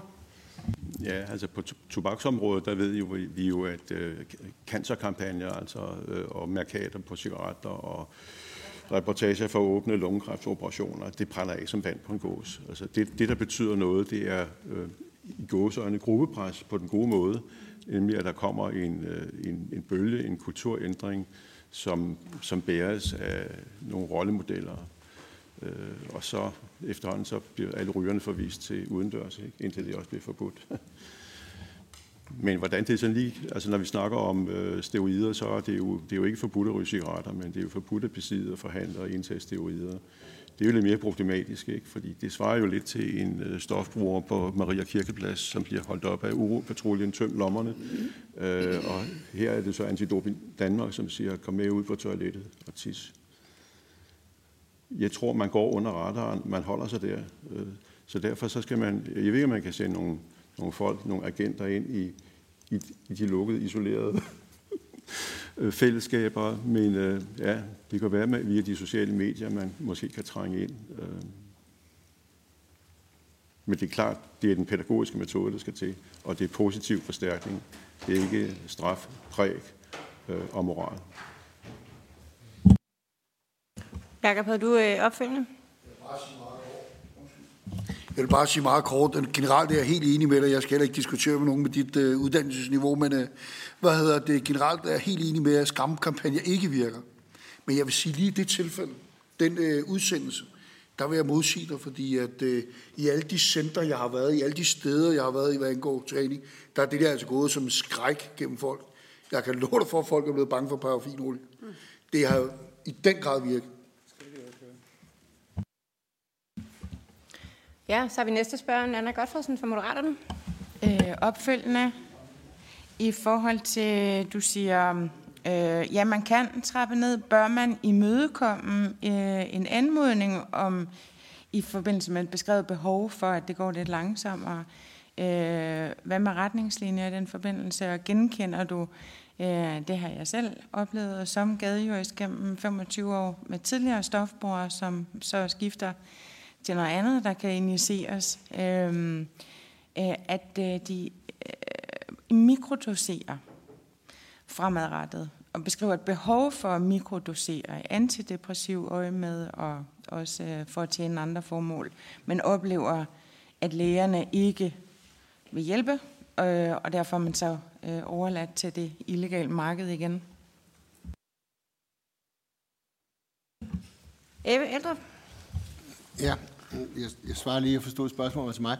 Øhm, jamen altså, for det første, de her, mange af de her steroidmisbrugere, de vil gerne ud af det, men ved ikke, hvordan de skal gøre det. Det er den ene ting. Og den anden ting, det er, at ja, øhm, det du beskriver mikrodosering, andre måder at gøre det på, de ved strengt taget næsten mere om det, end vi andre, der mener at være uddannet inden for området, gør fordi de har sat sig ekstremt grundigt ind i det, og der er forskellige muligheder. Vi ved ikke, og vi, der arbejdes jo forskningsmæssigt på at finde ud af, hvad er det bedste måde at gøre det på. Vi ved det ikke i dag. Men, men vi, vi ved, at vi kan godt hjælpe dem i et vist omfang, og vi kan godt lave noget for dem, og jeg mener også, at det tilbud skal være der. Det, der hedder, at jamen, du skal bare holde op, og når du så har været holdt op, så kan vi måske hjælpe dig om et halvt eller et helt år. Det dur ikke. Ja, tak. Det var øh, sidste indlæg, og øh, ja. Og så går vi egentlig videre fra, altså for, hvor et øh, udvalg, øh, spørgsmål for udvalgets medlemmer til oplægsholderne, øh, som vi så svarer. Jeg foreslår lidt, at man adresserer sin, øh, sin spørgsmål til en eller, eller flere af, af oplægsholderne.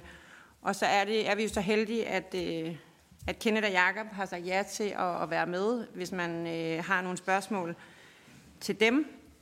Og, og derfor tænker jeg egentlig, at nu, nu har vi en, en god halv time, inden vi afslutter høringen, hvis man har nogle spørgsmål, dels til vores eksperter, men øh, også til de særlige eksperter, der har sagt ja til at komme i dag.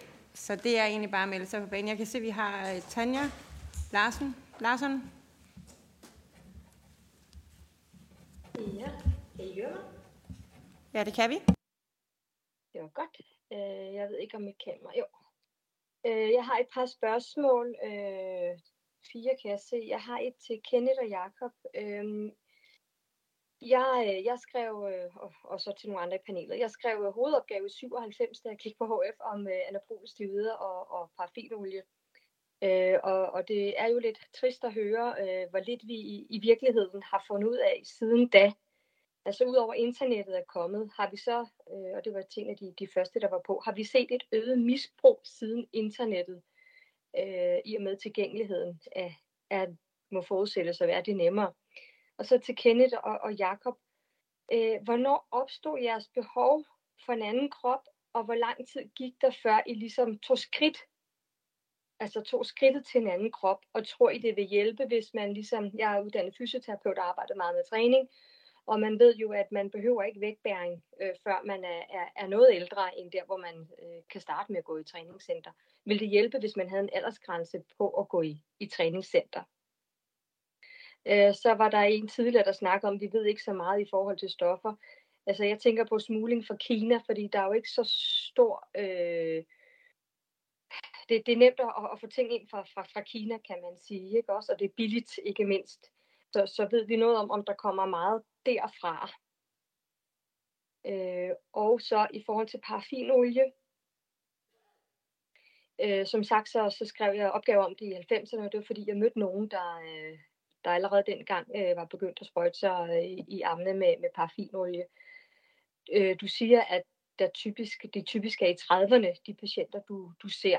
Øh, men jeg kan jo regne ud, at dem, jeg ligesom kendte dengang, eller stiftede bekendtskab med, de må være omkring 50.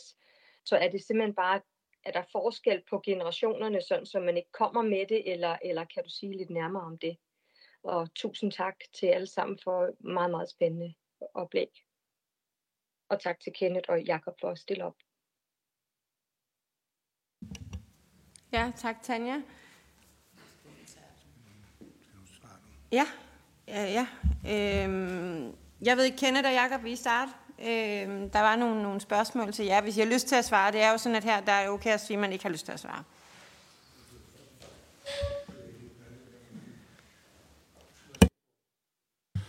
Ja, hvad skal jeg? Jeg kan ikke huske alt det nævnt. Nej, altså, kan jeg høre så det, er, og det er, det er udfordringen med sådan nogen som os, vi taler. Ja, du må meget lige gentage spørgsmålet til, til Kenneth og til Jacob. Ja, øh, endnu en gang tusind tak, fordi I stiller jer til rådighed her. Det, det sætter jeg stor pris på.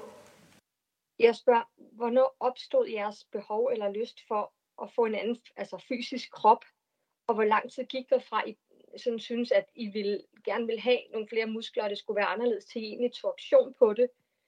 Og jeg spørger, fordi at jeg selv har gået med nogle tanker omkring, skal der være en aldersgrænse for, hvornår man må komme i et øh, fitnesscenter for eksempel. Øh, vi ved, at, at vægtbærende træning ikke er nødvendig i, i, i starten af livet. Altså, for mig personligt, så er det slut puberteten, når man begynder at hænge i de der grupper, men jeg tror ikke, det vil hjælpe at sætte aldersgrænsen ned, fordi der findes så mange steder nu, hvor du kan få adgang hos familie og venner eller i garager, specielt efter corona, der folk, de var lynhurtige til at lave deres egen fitness i dem i værkstedet. Så det bliver svært at komme til livs på den måde. Jakob? Dags. Jeg vil, jeg vil sige to ting til det. Det ene er, at vi skal også passe på med at stigmatisere træning som helhed jo. Fordi det er jo noget af det sundeste, og jeg synes faktisk, øh, de yngre generationer, der spiller rigtig meget computer og sådan noget, er lige så farligt. Så vi skal passe på, at vi ikke gør træning til noget dårligt, fordi det er jo, det er jo kun øh, doping, der er dårligt. Så jeg synes generelt ikke, vi skal gøre, have en nedergrænse. Øh, jeg begyndte meget tidligt, fordi at, øh, jeg synes, at Arnold Schwarzenegger, de der var fantastiske. Så hvad hedder det, mit, det var meget for Hollywood, og det var for internettet. Jeg er en gammel idiot, så hvad hedder det, så jeg tror ikke, at man kan sige, jeg tror, det er meget individuelt, når, når man begynder på det der. Hvis du har svar på de spørgsmål, når vi er begyndt. Tak. Så er næste spørgsmål, øh, så jeg til at være til Henrik Vi fra, fra Tanja Larsen. Uh, ja, i kriminologien kalder vi de der smugleruter for korridorer. Uh, og der ved man, at sådan en østlig korridor uh, ser vi meget fra Kina og meget fra Indien faktisk. Uh, men det er ikke kun fordi det kommer fra de, fra de uh, fjerne lande. Uh, I forhold til beslaglæggelse, så ser man det ret meget fra Tyskland, fra Østeuropa og fra Holland. Ja tak. Jakob, hvordan du vil supplere med? Jeg vil bare sige, hvad angår det der med, at det også kommer, det kommer alle steder fra, fordi vi har folk, der producerer det i, øh, i Europa også masser af steder. Vi har også haft det i Danmark, nogle ret store sager, hvor de har protesteret det her. Øh, øh, så, så, så jeg tror ikke, vi kan komme det til livs, hverken ved at tro, at vi kan, vi kan gøre det gennem Kina, eller ved at forbyde det her. Vi skal, vi skal finde andre veje til at bekæmpe doping på en tro, at vi kan gøre det igennem politiet, toller osv. Vi skal finde årsagen til, at folk tager det. Og så tror jeg, at vi skal få noget mere hjælp hos lægerne, fordi øh, en af de ting, du sagde, det er, at der ikke er nogen viden. Hvis jeg gik op til min læge nu og sagde, prøv at skal lige sige, at jeg ikke har bestyret, jeg ikke har været det i 10 år. Men jeg har været rigtig meget på side, været lige en, der var det. Men hvad hedder det? Men hvis jeg går op til min læge og siger, prøv at jeg har de de problemer. Det første, hun vil sige, det er at sidde og ryste på og kigge ned i bordet, så som en idiot. Det næste problem er, hvis jeg siger mikrodoseringer, det er rigtig meget op i i tiden, og sige, prøv at høre her, mit testosteron, fordi jeg har været på styret, så mit testosteronniveau er meget lavt. Det her, det har jeg fra en kammerat. Han har prøvet det her. Han var på 0,4. Han sagde, kan I hjælpe mig med at mikrodosere, så jeg kommer op bare at være på aldersvarende? Det fik han at vide, det kunne man ikke, det skulle han ikke, og så gik han ud på det sorte marked og gjorde det. Så undskyld, hvis der ikke er flere spørgsmål. Tak, Jacob. Øh, Kenneth, du vil lige supplere, så er det Henrik bagefter. Vil du supplere? Jeg ved ikke, jeg på den der. Sådan, tror jeg. Øh, det var lige så meget for at sige, det er, altså for mig og mange af dem, jeg kender, hvad det angår parfinolie, der er det psykisk, de har gjort det. Det er ikke, altså det er fordi, man ikke har følt sig god nok, eller der har været alt muligt, ikke? Øh, så, så der tror jeg også, man skal ind og pille ved et eller andet, eller gøre et eller andet, der kan kigge den vej i hvert fald. Øh. Tak. Henrik, og bagefter Kim.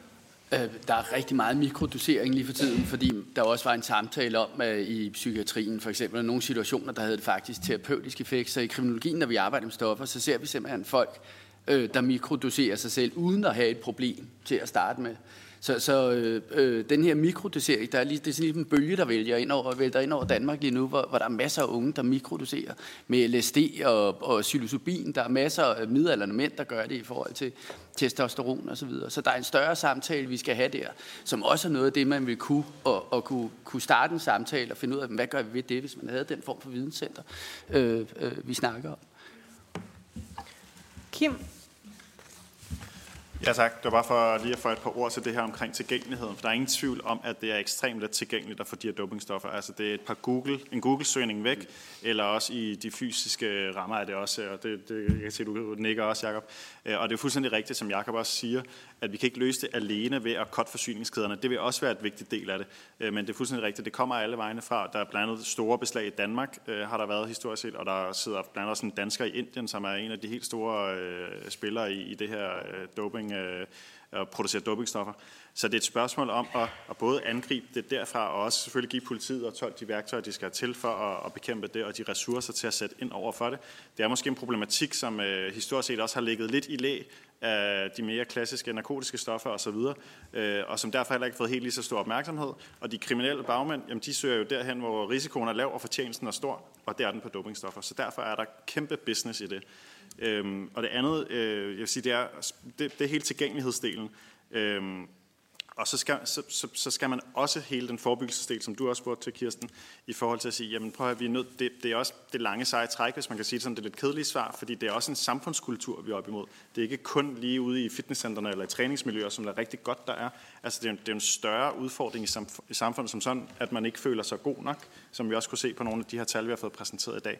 Så derfor skal der mere øh, forebyggelse til, og de positive rollemodeller, noget af det arbejde, vi laver ude i fitnesscentrene, og når vi taler med de unge mennesker, det handler nemlig ikke om skræmmekampagnedelen, det handler også om, og, om kropsmangfoldighed. Det projekt, jeg viste der, som handler som spejlvand, som vi laver med Foreningen Spiseforstyrrelser og Selvskade, som vi gør, fordi at øh, doping eller spiseforstyrrelser, det, det, det er øh, coping-strategier. Det er et symptom på det samme, at man ikke føler, at ens krop er god nok. Øh, så derfor er vi nødt til også at sætte ind med den her forebyggelse og, og få en større accept af, hvordan vores kroppe ser ud, og få en bedre hvad skal, man, hvad skal man sige, en normalitetsforståelse af, hvad kroppe egentlig er.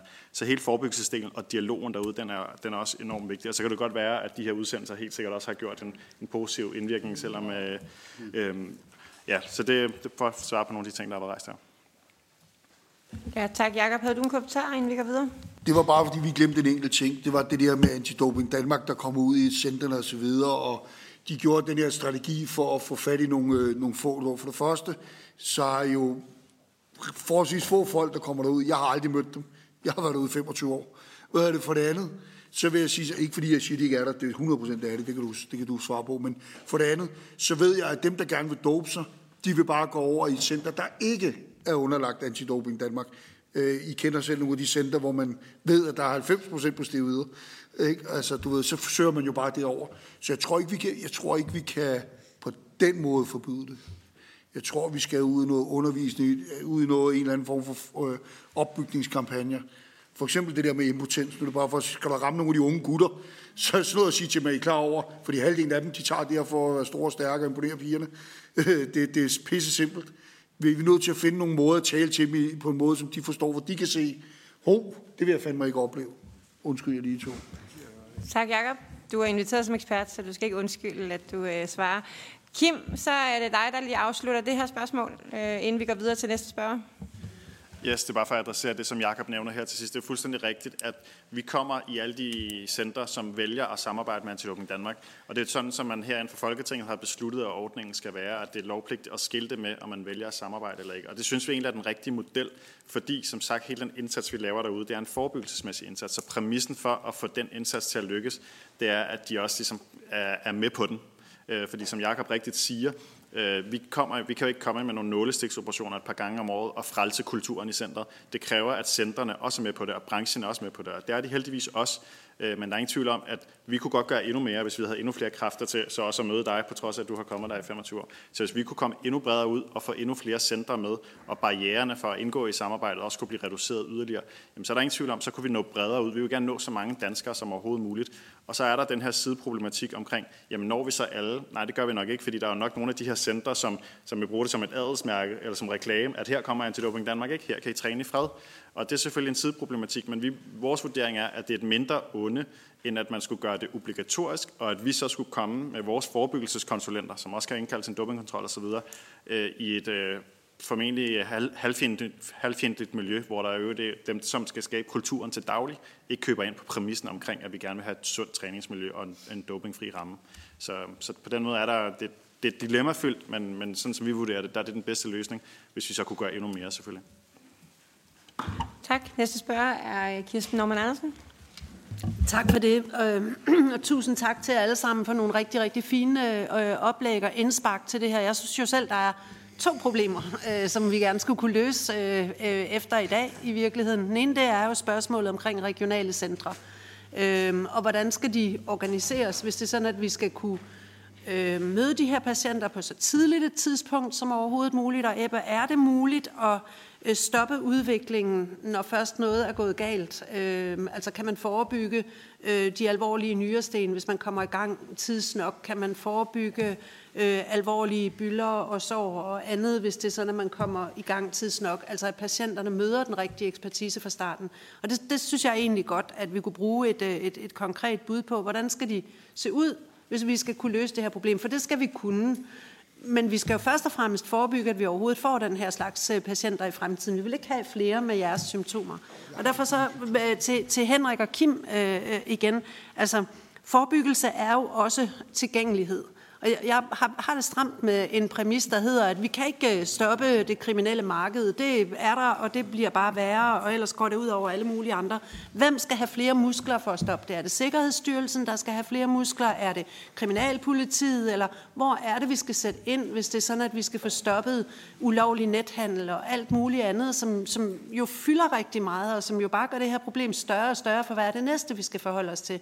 Og det synes jeg i virkeligheden, altså vi kan også se det på, på alle mulige andre områder. Nu nævnte jeg, at vi forhandler øh, tobak og alkohol i forvejen, altså puffbars og lattergas, og jeg skal komme efter jer med ting, man bare kan købe ved at trykke på en knap på internettet. Det må vi da kunne gøre noget ved. Altså har I ikke et bud på, hvad der skal til for at få stoppet øh, øh, øh, tilgængeligheden i, i forhold til ulovlige produkter? Fordi det er det jo, altså det er ulovlige produkter, man importerer på den her måde. Øh, ja, så de to spørgsmål, synes jeg, vi trænger til at få et svar på. Henrik, Bi, vil du starte? Kim starter. Ja, jeg starter lige med det sidste spørgsmål først. Øh, I forhold til det her med tilgængeligheden, og hvad skal der til? Altså, øh, og jeg er fuldstændig enig, vil jeg skulle mig at sige, at, øh, som jeg også prøvede at sige før, at det skal gå på flere ben, og en af de ting, vi også skal sætte ind overfor, det er tilgængeligheden. Øh, så vi skal have kottet de forsyningslinjer. Og sådan som vores umiddelbare vurdering, det er, at det er især øh, politi og 12, som skal have mulighed for at bruge endnu flere kræfter på det her. Der er, øh, hvad skal man sige, for, nogle, for en del år siden efterhånden, efter man også afdækkede, der var nogle journalister, der afdækkede en del af det her, der sker i de her miljøer, der skærpede man her fra Folketingets side, der skærpede man straframmen, som gav mulighed for at, altså man øgede straframmen fra to til seks år, og det gav også meget politiet nogle flere redskaber i forhold til at arbejde med den her problematik. Der kunne man måske kigge endnu mere ned der, øh, i dialog med politiet også, i forhold til, hvad har, de, hvad har de for alvor brug for i forhold til også at overvåge det her, og i forhold til, at det også bliver noget, kan man sige, øh, med mit begrænsede kendskab til præcis, hvordan tingene foregår internt i politiet, øh, der får en, en status og en fokus og en opmærksomhed i politiet i forhold til at give det her område det, øh, den opmærksomhed, det fortjener. Øh, så det vil jeg sige, det er helt klart et, et sted, man kan sætte ind i forhold til det. Øh, øh, og så det første spørgsmål, Kirsten. Var det også til mig? Har du mulighed for at gentage det? Okay, yes. Det er et, øh, et, et større problem, øh, som vi kigger på i forhold til smugleri og, og en globaliseret verden. Og så, og så er der, der er nogle forskellige ting på spil, som vi snakker om i kriminologien. Det ene det er, jo, er, er at altså, løsningen i virkeligheden ikke er at forskanse sig nationalt. Øh, tværtimod, løsningen virker til at være at oppe det internationale samarbejde i mange af de her øh, situationer. Øh, oppe øh, EU-samarbejdet, oppe det større internationale samarbejde. I forhold til den konkrete sag, for eksempel med doping, når vi ser det med andre ulovlige stoffer, der bliver smuglet ind, så på den korte bane handler det selvfølgelig om at sætte en prop i hullet. Så nogle gange så ser vi, at der er hul igennem her, og det kan jo eksempel være i Hanstholm, hvor man så, at der var en masse kokain, der blev smuglet ind, og, og så videre, og så videre. Det kan være Hamburg eller Helsingborg eller et andet. Så så handler det om, at man, man propper hullet, når man kan se, at nu kommer der meget ind her. Men, men det større perspektiv, det lange træk, det er simpelthen at, at støtte og, og op i internationalt samarbejde på nogle af de her ting, hvor man går ind og, og lige præcis sørger for, at, at der ikke sidder en, en dansker med øh, verdens største dopingapotek og eksporterer øh, dopingmidler fra Indien. Altså, så man skal i gang i nogle af de der. Og så vil jeg bare lige i forhold til skræmmekampagnerne, de virker virkelig ikke. Det er veldokumenteret, at skræmmekampagner ikke virker. Men det er også rigtig veldokumenteret, hvis man kan have en samtale med sine børn og siger, at, at, at fitness, at have en samtale med sine børn og sige, selvfølgelig, det skal du, det er mega fedt, du går til fitness, det er godt at bruge din krop, du sidder ellers bare på iPad'en, men altså, og så have en informeret samtale øh, om, at der er doping issues i, i den verden, og hvad skal man, og hvad skal man ikke, og hvad er konsekvenserne. Det vil jeg synes var en del af løsningen. Ja, så det er Kim, og bagefter er det Thomas Fuglsang. Det var en kort supplerende kommentar til det, du siger, Henrik, i forhold til det internationale spor, som jeg også ser som en vigtig del af, af en løsning. Øh, internationalt set, der arbejder man jo ikke med fitnessdoping, som vi gør i Danmark. Vi er nærmest det eneste land. Man arbejder også lidt med det i Norge og enkelte andre steder, men ikke i samme grad og som omfang. I Danmark har man også fra politisk hold besluttet, at det her det er et vigtigt indsatsområde. Mm. Så hvis man også fra politisk hold kan motivere andre lande til at arbejde med den her problematik, og dermed også kommer højere op på dagsordenen hos politi og så videre andre steder, øh, så, så er jeg ikke tvivl om, at, at det også vil styrke den samlede indsats og, og have en positiv betydning i Danmark. Tak. Thomas Fuglsang. Ja, og det var til Kirsten. Det var ikke for at vende dine ord mod dig, men du brugte jo selv, øh, du brugte jo selv øh, tilgængelighed ikke, som, som overskrift. Ikke? Hvad, hvad skal der til øh, i forebyggelsesøje øh, med? Og der tænker jeg altså, som Henrik også kommer ind på her, at øh, tilgængelighed af viden, af afbalanceret viden, af åben dialog, af ærlig kommunikation, øh, snak med børn, unge mennesker om risici, fordele og bagdele. Verden er jo sammensat, men måske også, at vi kunne gøre det i fitnesscentrenes rammer af antidoping Danmark, ikke bare, bare sendte nogle urininspektører ud øh, til prøvetagning osv., men faktisk kunne sætte sig ned og indgå i en åben dialog, øh, som var afbalanceret, og måske også var ledsaget af noget medicinsk ekspertise, som rakte lidt ud over de gamle drenge på centret. Alt respekt. Så er det øh, Ebbe Eldrup, der får lov til at afslutte dette spørgsmål. Ja, jeg tror, at af spørgsmålene, du startede med, var til mig omkring de her centre. Jeg tror, regionale centre er måske for vidt at gå i første omgang. Jeg tror, man skulle lave landstilscentre, hvis man skulle sige noget, fordi det er muligt at samle de her patienter i for eksempel to landstilscentre og vil give mening. Øh, ja, der er behandlingsmuligheder. Der er muligheder for at forebygge de her mange nyrestenstilfælde og nyreskader. Øh, det er en behandling med mange bivirkninger. Vi har påvist, at der er supplerende behandlinger, der nok kan spare på det her prednisolon, binyrbarkhormon, som vi ellers med sikkerhed kan bruge. Men vi har brug for mere viden, og vi lægger skinnerne, mens vi kører lige i øjeblikket, og det kan ikke være anderledes, fordi der er manglende viden. Men derfor tror jeg også, man skal indskrænke det til ikke at gøre for dybt. Så det, der er brug for, det er egentlig bare, at det er accepteret, og, og, og, og, og der er den viden, at der kan man henvise patienterne til, og at patienterne ved, at der kan de henvende sig. Og det kræver vel strengt taget overordnet set, kun Sundhedsstyrelsen gør det til et højt specialiseret behandling. Ja, tak. Øhm, jeg vil lige sige, at vi har øh, cirka 13 minutter tilbage, og der er stadigvæk fire spørgere på listen, så en opfordring til mine kollegaer er korte, præcise spørgsmål. Det behøver ikke blive motiveret her, man kan bare spørge. Og til panelet, korte svar, så vi kan nå øh, flest muligt. Så øh, næste spørger er øh, Kirsten Norman Andersen. Du har lige spurgt, så er det Helena Andresen fra, øh, fra Liberal Alliance. Hvad siger du, Kirsten? Øh, tak. Øh, jeg tror helt sikkert også, at det er en kulturændring, der skal til. Øh, jeg har også selv øh, været i øh, træningsmiljøet, og man skal altså ikke være der så lang tid for, selvom Antidoping Danmark var i det center, det var også et højrisikocenter, man skal ikke være der så lang tid for at finde ud af, man skal bare gå hen til den største for at få noget, fordi det snakker folk ret højt og tydeligt om. Men jeg tror, at der er ret mange af dem, der også tager yder, der har en træner. Øhm, og jeg synes, at vi skal have gjort et eller andet ved det her, at alle kan kalde sig for en træner, fordi at, jeg synes, det er virkelig skræmmende, når man hører øh, historier om øh, 16-17-årige piger, der har en eller anden drøm om at stille op i bikini-fitness. De ringer op til en træner, og de, det første, de spørger om, det der med smed eller uden yder. Og jeg ved, der er gode kræfter som Anders Nedergaard og Katrine Gissiger, der har øh, prøvet at lave noget frivilligt, hvor at man kunne øh, melde sig som træner, så man vil have sådan et certifikat for at de øh, spørger ind til spiseforstyrrelser øh, inden og andre gode ting. Så jeg ved ikke, om du måske har øh, nogle idéer til, hvad man kan gøre på det område. Og så øh, med lægen har jeg også hørt, at der er også mange, der føler sig stigmatiseret, når de kommer der, og egentlig gerne vil ud af det. Men jeg tænker, om man ikke, at dem, der er på stiv yder, om de ikke kan få noget hjælp af lægen, og stadigvæk få nogle steroider, som er rene produkter, fordi jeg har da set øh, studier, jeg ved ikke hvad, hvor der er alle mulige ting i, som øh, rottegift øh, for eksempel. Ja, jeg tror egentlig lige, at det var det. Vil du starte, Kim? Ja, tak. Jamen, øh, tak for øh, et rigtig godt spørgsmål, og, og jeg er enig. Jeg, jeg synes også, det vil være vigtigt at, at gå ind og kigge på noget regulering omkring det her med de personlige trænere. Det er rigtigt, Anders Nedergaard og andre gode folk har været i gang med at, at skabe det, som kan man kan betragte som en, en brancheorganisation, et fællesskab øh, for de her personlige trænere, PC Danmark, og dem har vi også et samarbejde med, øh, hvor vi faktisk også kommer ud og tester deres øh, personlige træner for på en eller anden måde at give os, være med til at give et kvalitetsstempel, og det skal de indvillige i, når de bliver medlem af PT Danmark. Øh, så på den måde har vi et godt samarbejde med dem, og det sætter vi stor pris på. Så det kan man sige, det er et skridt af vejen.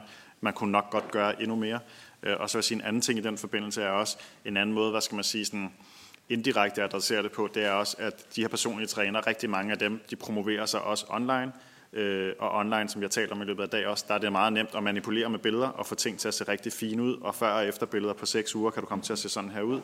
Øh, der har tidligere været et lovforslag fremme fra SF, tror jeg det var, øh, og jeg tror måske, det ligger i Trivselskommissionen nu, omkring det her med, kan man øh, kan man øh, stille krav om, at billeder skal være, det skal være markeret, hvornår det er, at de er manipuleret med eller redigeret, sådan så man ikke stikker de unge øh, mennesker blå i øjnene i forhold til, hvordan tingene ser ud. Og det er fuldstændig rigtigt, som både øh, du, Helena og Louise har sagt. Det gælder nemlig ikke kun drengene og mændene, det gælder også pigerne og kvinderne. Øh, og det er både for bikini fitness, men det er også dem, som ikke nødvendigvis vil konkurrere. Det er bare et andet hvad skal man sige, skønhedsideal eller kropsideal, som de jagter, og det kan være lidt mindre i øjnefaldene, men ikke desto mindre er det noget, der er rigtig vigtigt. Vi har ansat for nylig en, en kvindelig fitnesskonsulent, som selv har prøvet at være, eller som selv har været på stivet, og som, som selv har konkurreret og vundet konkurrencer osv. Øhm, og hun, hun, hun og flere andre af vores folk, de er blandt andet hyret ind til at være med til at have den dialog med de her piger, som vi også har brug for at blive endnu klogere på. Fordi den her udfordring er jo startet med mændene og Arnold Schwarzenegger og de andre drenge back in the day. Men vi er et andet sted nu, så vi skal også have fokus for, på den her målgruppe. Tak. Jeg så ikke, om der var flere, der markerede sig til deres spørgsmål, eller så går vi videre til næste spørger. Louise Ravn fra Liberal Alliance. Tak. Øhm, det er mega spændende, det her. Og selvom at, øh, altså det, det er virkelig kommet chok, som chok for mig, hvor, hvor omfattende det er det her. Fordi på trods af, at jeg er vokset op i Randers og all places, og også har brugt en stor del af min øh, ungdom i fitnesscentre og i diskoteksmiljø og alt muligt, er jeg aldrig blevet tilbudt noget som helst. Så jeg må signalere, øh, I, I don't know. Nå, øh, den der udsendelse, der var i tv, var, var et vildt chok for mig, og jeg så det egentlig ikke som skræmmekampagne, jeg så det faktisk nærmere som oplysning, ikke? og det er, jo, det er det, jeg tror, der skal til, der skal oplysning til, øh, fordi jeg tror ikke på forbud særlig meget. Øhm, og, og jeg er også bange for det her med at lukke forsyningslinjerne. Jeg er helt med på, at det, det vil være det logiske, og det giver mening. Men hey, hvis man vil have noget, så får man det. Uanset hvor mange steder, der bliver lukket, så det skal, altså, jeg tror ikke på, at det hjælper. Øh, men mit spørgsmål ligger lidt op af Helenas, fordi kunne man ikke forestille sig en eller anden form for afkriminalisering, hvor man kunne sige, at jamen, hvis du bruger stivider, så kan du komme hen et sted, hvor du kan få testet dine ting, eller du kan få hjælp til at komme ud af det på en måde, uden at du bliver øhm, ja, af, altså uden at du bliver kriminaliseret, kriminaliseret af det, uden at du bliver puttet i en eller anden bås. Fordi ellers så tror jeg simpelthen ikke på, at vi får bugt med det her, hvis ikke vi får fjernet den der del af, at man at man er øhm, øh, forbryder, eller øh, dårligt menneske, eller hvad ved jeg, fordi man er kommet ud i sådan et misbrug. Ja, tak. Så er det Henrik, og så er det Thomas bagefter. Der er nogle af os, der har øh, arbejdet på at få stoftest indført i flere år, øh, og det er Justitsministeriet, der, der ikke vil gå med til det, fordi de siger, at øh, det i virkeligheden er sådan en implicit øh, legalisering af noget, der er ulovligt. Øh, og vi vil gerne have det. Vi har faktisk helt setup'et, øh, altså det er plug and play, så helt setup'et er der. Øh, øh, og hvor man øh, jo kan have en samtale med folk om, at det her, det betyder ikke, det er lovligt, men det betyder, at før du putter et eller andet ind i kroppen, hvor du ikke aner, hvad der er i det, så kan du altså få det testet her. Noget andet er forskningsmæssigt. Jeg er jo, jeg er jo vidensgrådig. Forskningsmæssigt vil det være fantastisk for os. Så kan vi jo simpelthen finde ud af, hvad er det for nogle substanser, der er derude, og præcis hvad der er i dem. Men det, det er Justitsministeriet, der, der siger nej. Jeg vil have sagt noget lignende, men det næstbedste våben, det er at fordrive al denne dårskab og alt det her skidt med viden. Og jeg vil tillade mig her at gøre ubillig reklame for Fitness øh, Antidoping Danmarks øh, lille skrift her, en lille bog på 100 sider, som hedder Håndbog om fitnessdoping. Det er en 360 graders gennemgang af hele molevitten, også fra den pædagogiske vinkel. Fantastisk velskrevet. Læs den. Den er gratis, den ligger heroppe. Så er det Ebbe. Og bagefter er det Kim. Ja, øh, jeg tror, det I spørger om, det der med, kunne vi ikke gøre det øh, øh, ordentligt, om man så må sige, så man ikke skal bruge de her produkter, som vi ved potentielt er urene og så videre. Jo, det kunne man godt. Hvor grænsen præcis skal være, det ved man ikke, men bare det, og det tror jeg, øh, øh Jakob vil kunne bekræfte, du, du, når du tager anabolsteroider, så tager du dem jo i mega høje doser. Meget mere, end hvad der er nødvendigt for at opretholde normalt, fordi det er der virkningen ligger, og det er der ønsket ligger. Så det første skridt er at få dem derned, og så må man se, kan man overhovedet få dem ud af det. Det er ikke særlig sandsynligt nogensinde hos nogle af dem, men det kunne man godt gøre kontrolleret, hvis vi havde en indgangsvej og nogen, der øh, havde til opgave at forestå det her. Men det er der i øjeblikket ikke. Det behandlingstilbud findes som helhed ikke i sundhedssystemet i dag. Tak. Så var det Kim, inden vi går videre til den sidste spørger. Ja, tak. Det var bare for at knytte en kommentar til det, som du spurgte om, Louise, og, og, og som Ebbe også til del svarer på nu. Det her i forhold til, kunne man ikke bare legalisere det, som jeg også diskuterer, afkriminalisere, ja. Ja, øh, og der er, øh, altså, hvis det internationalt er der også nogle enkelte erfaringer omkring, omkring harm reduction, hvor man prøver i et kontrolleret miljø og, og hjælpe på vej på den her måde.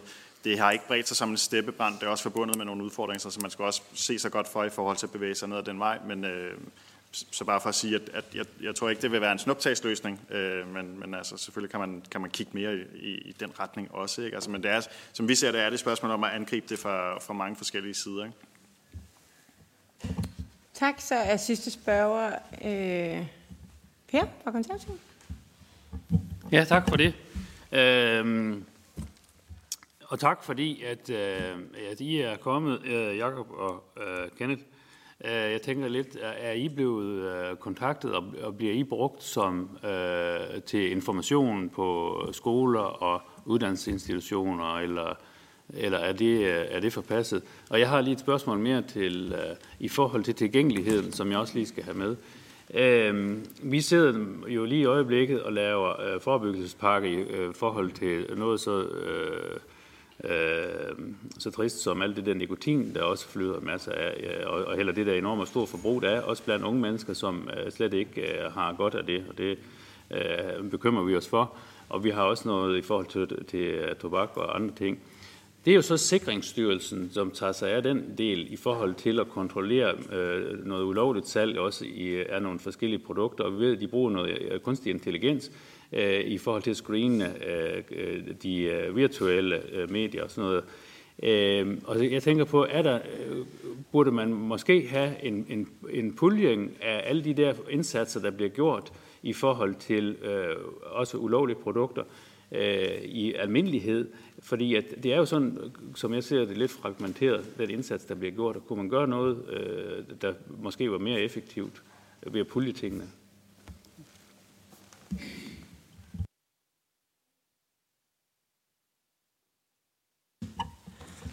Jakob og Kenneth, vil I svare på det første spørgsmål? Øh, nå, ja, jamen, jeg er ikke blevet kontaktet om noget, men jeg har hele tiden sagt selv, både til Ebbe og jeg, at når jeg sådan er lidt mere ovenpå med mine operationer, så vil jeg gerne selv ud og holde foredrag på skoler, ungdomsskoler og et eller andet, for jeg mener, altså for min eget vedkommende, så var det der, det gik galt for mig. Så kunne man komme ud i øjenhøjde med den aldersgruppe, så ville det kunne gøre en forskel. Mm.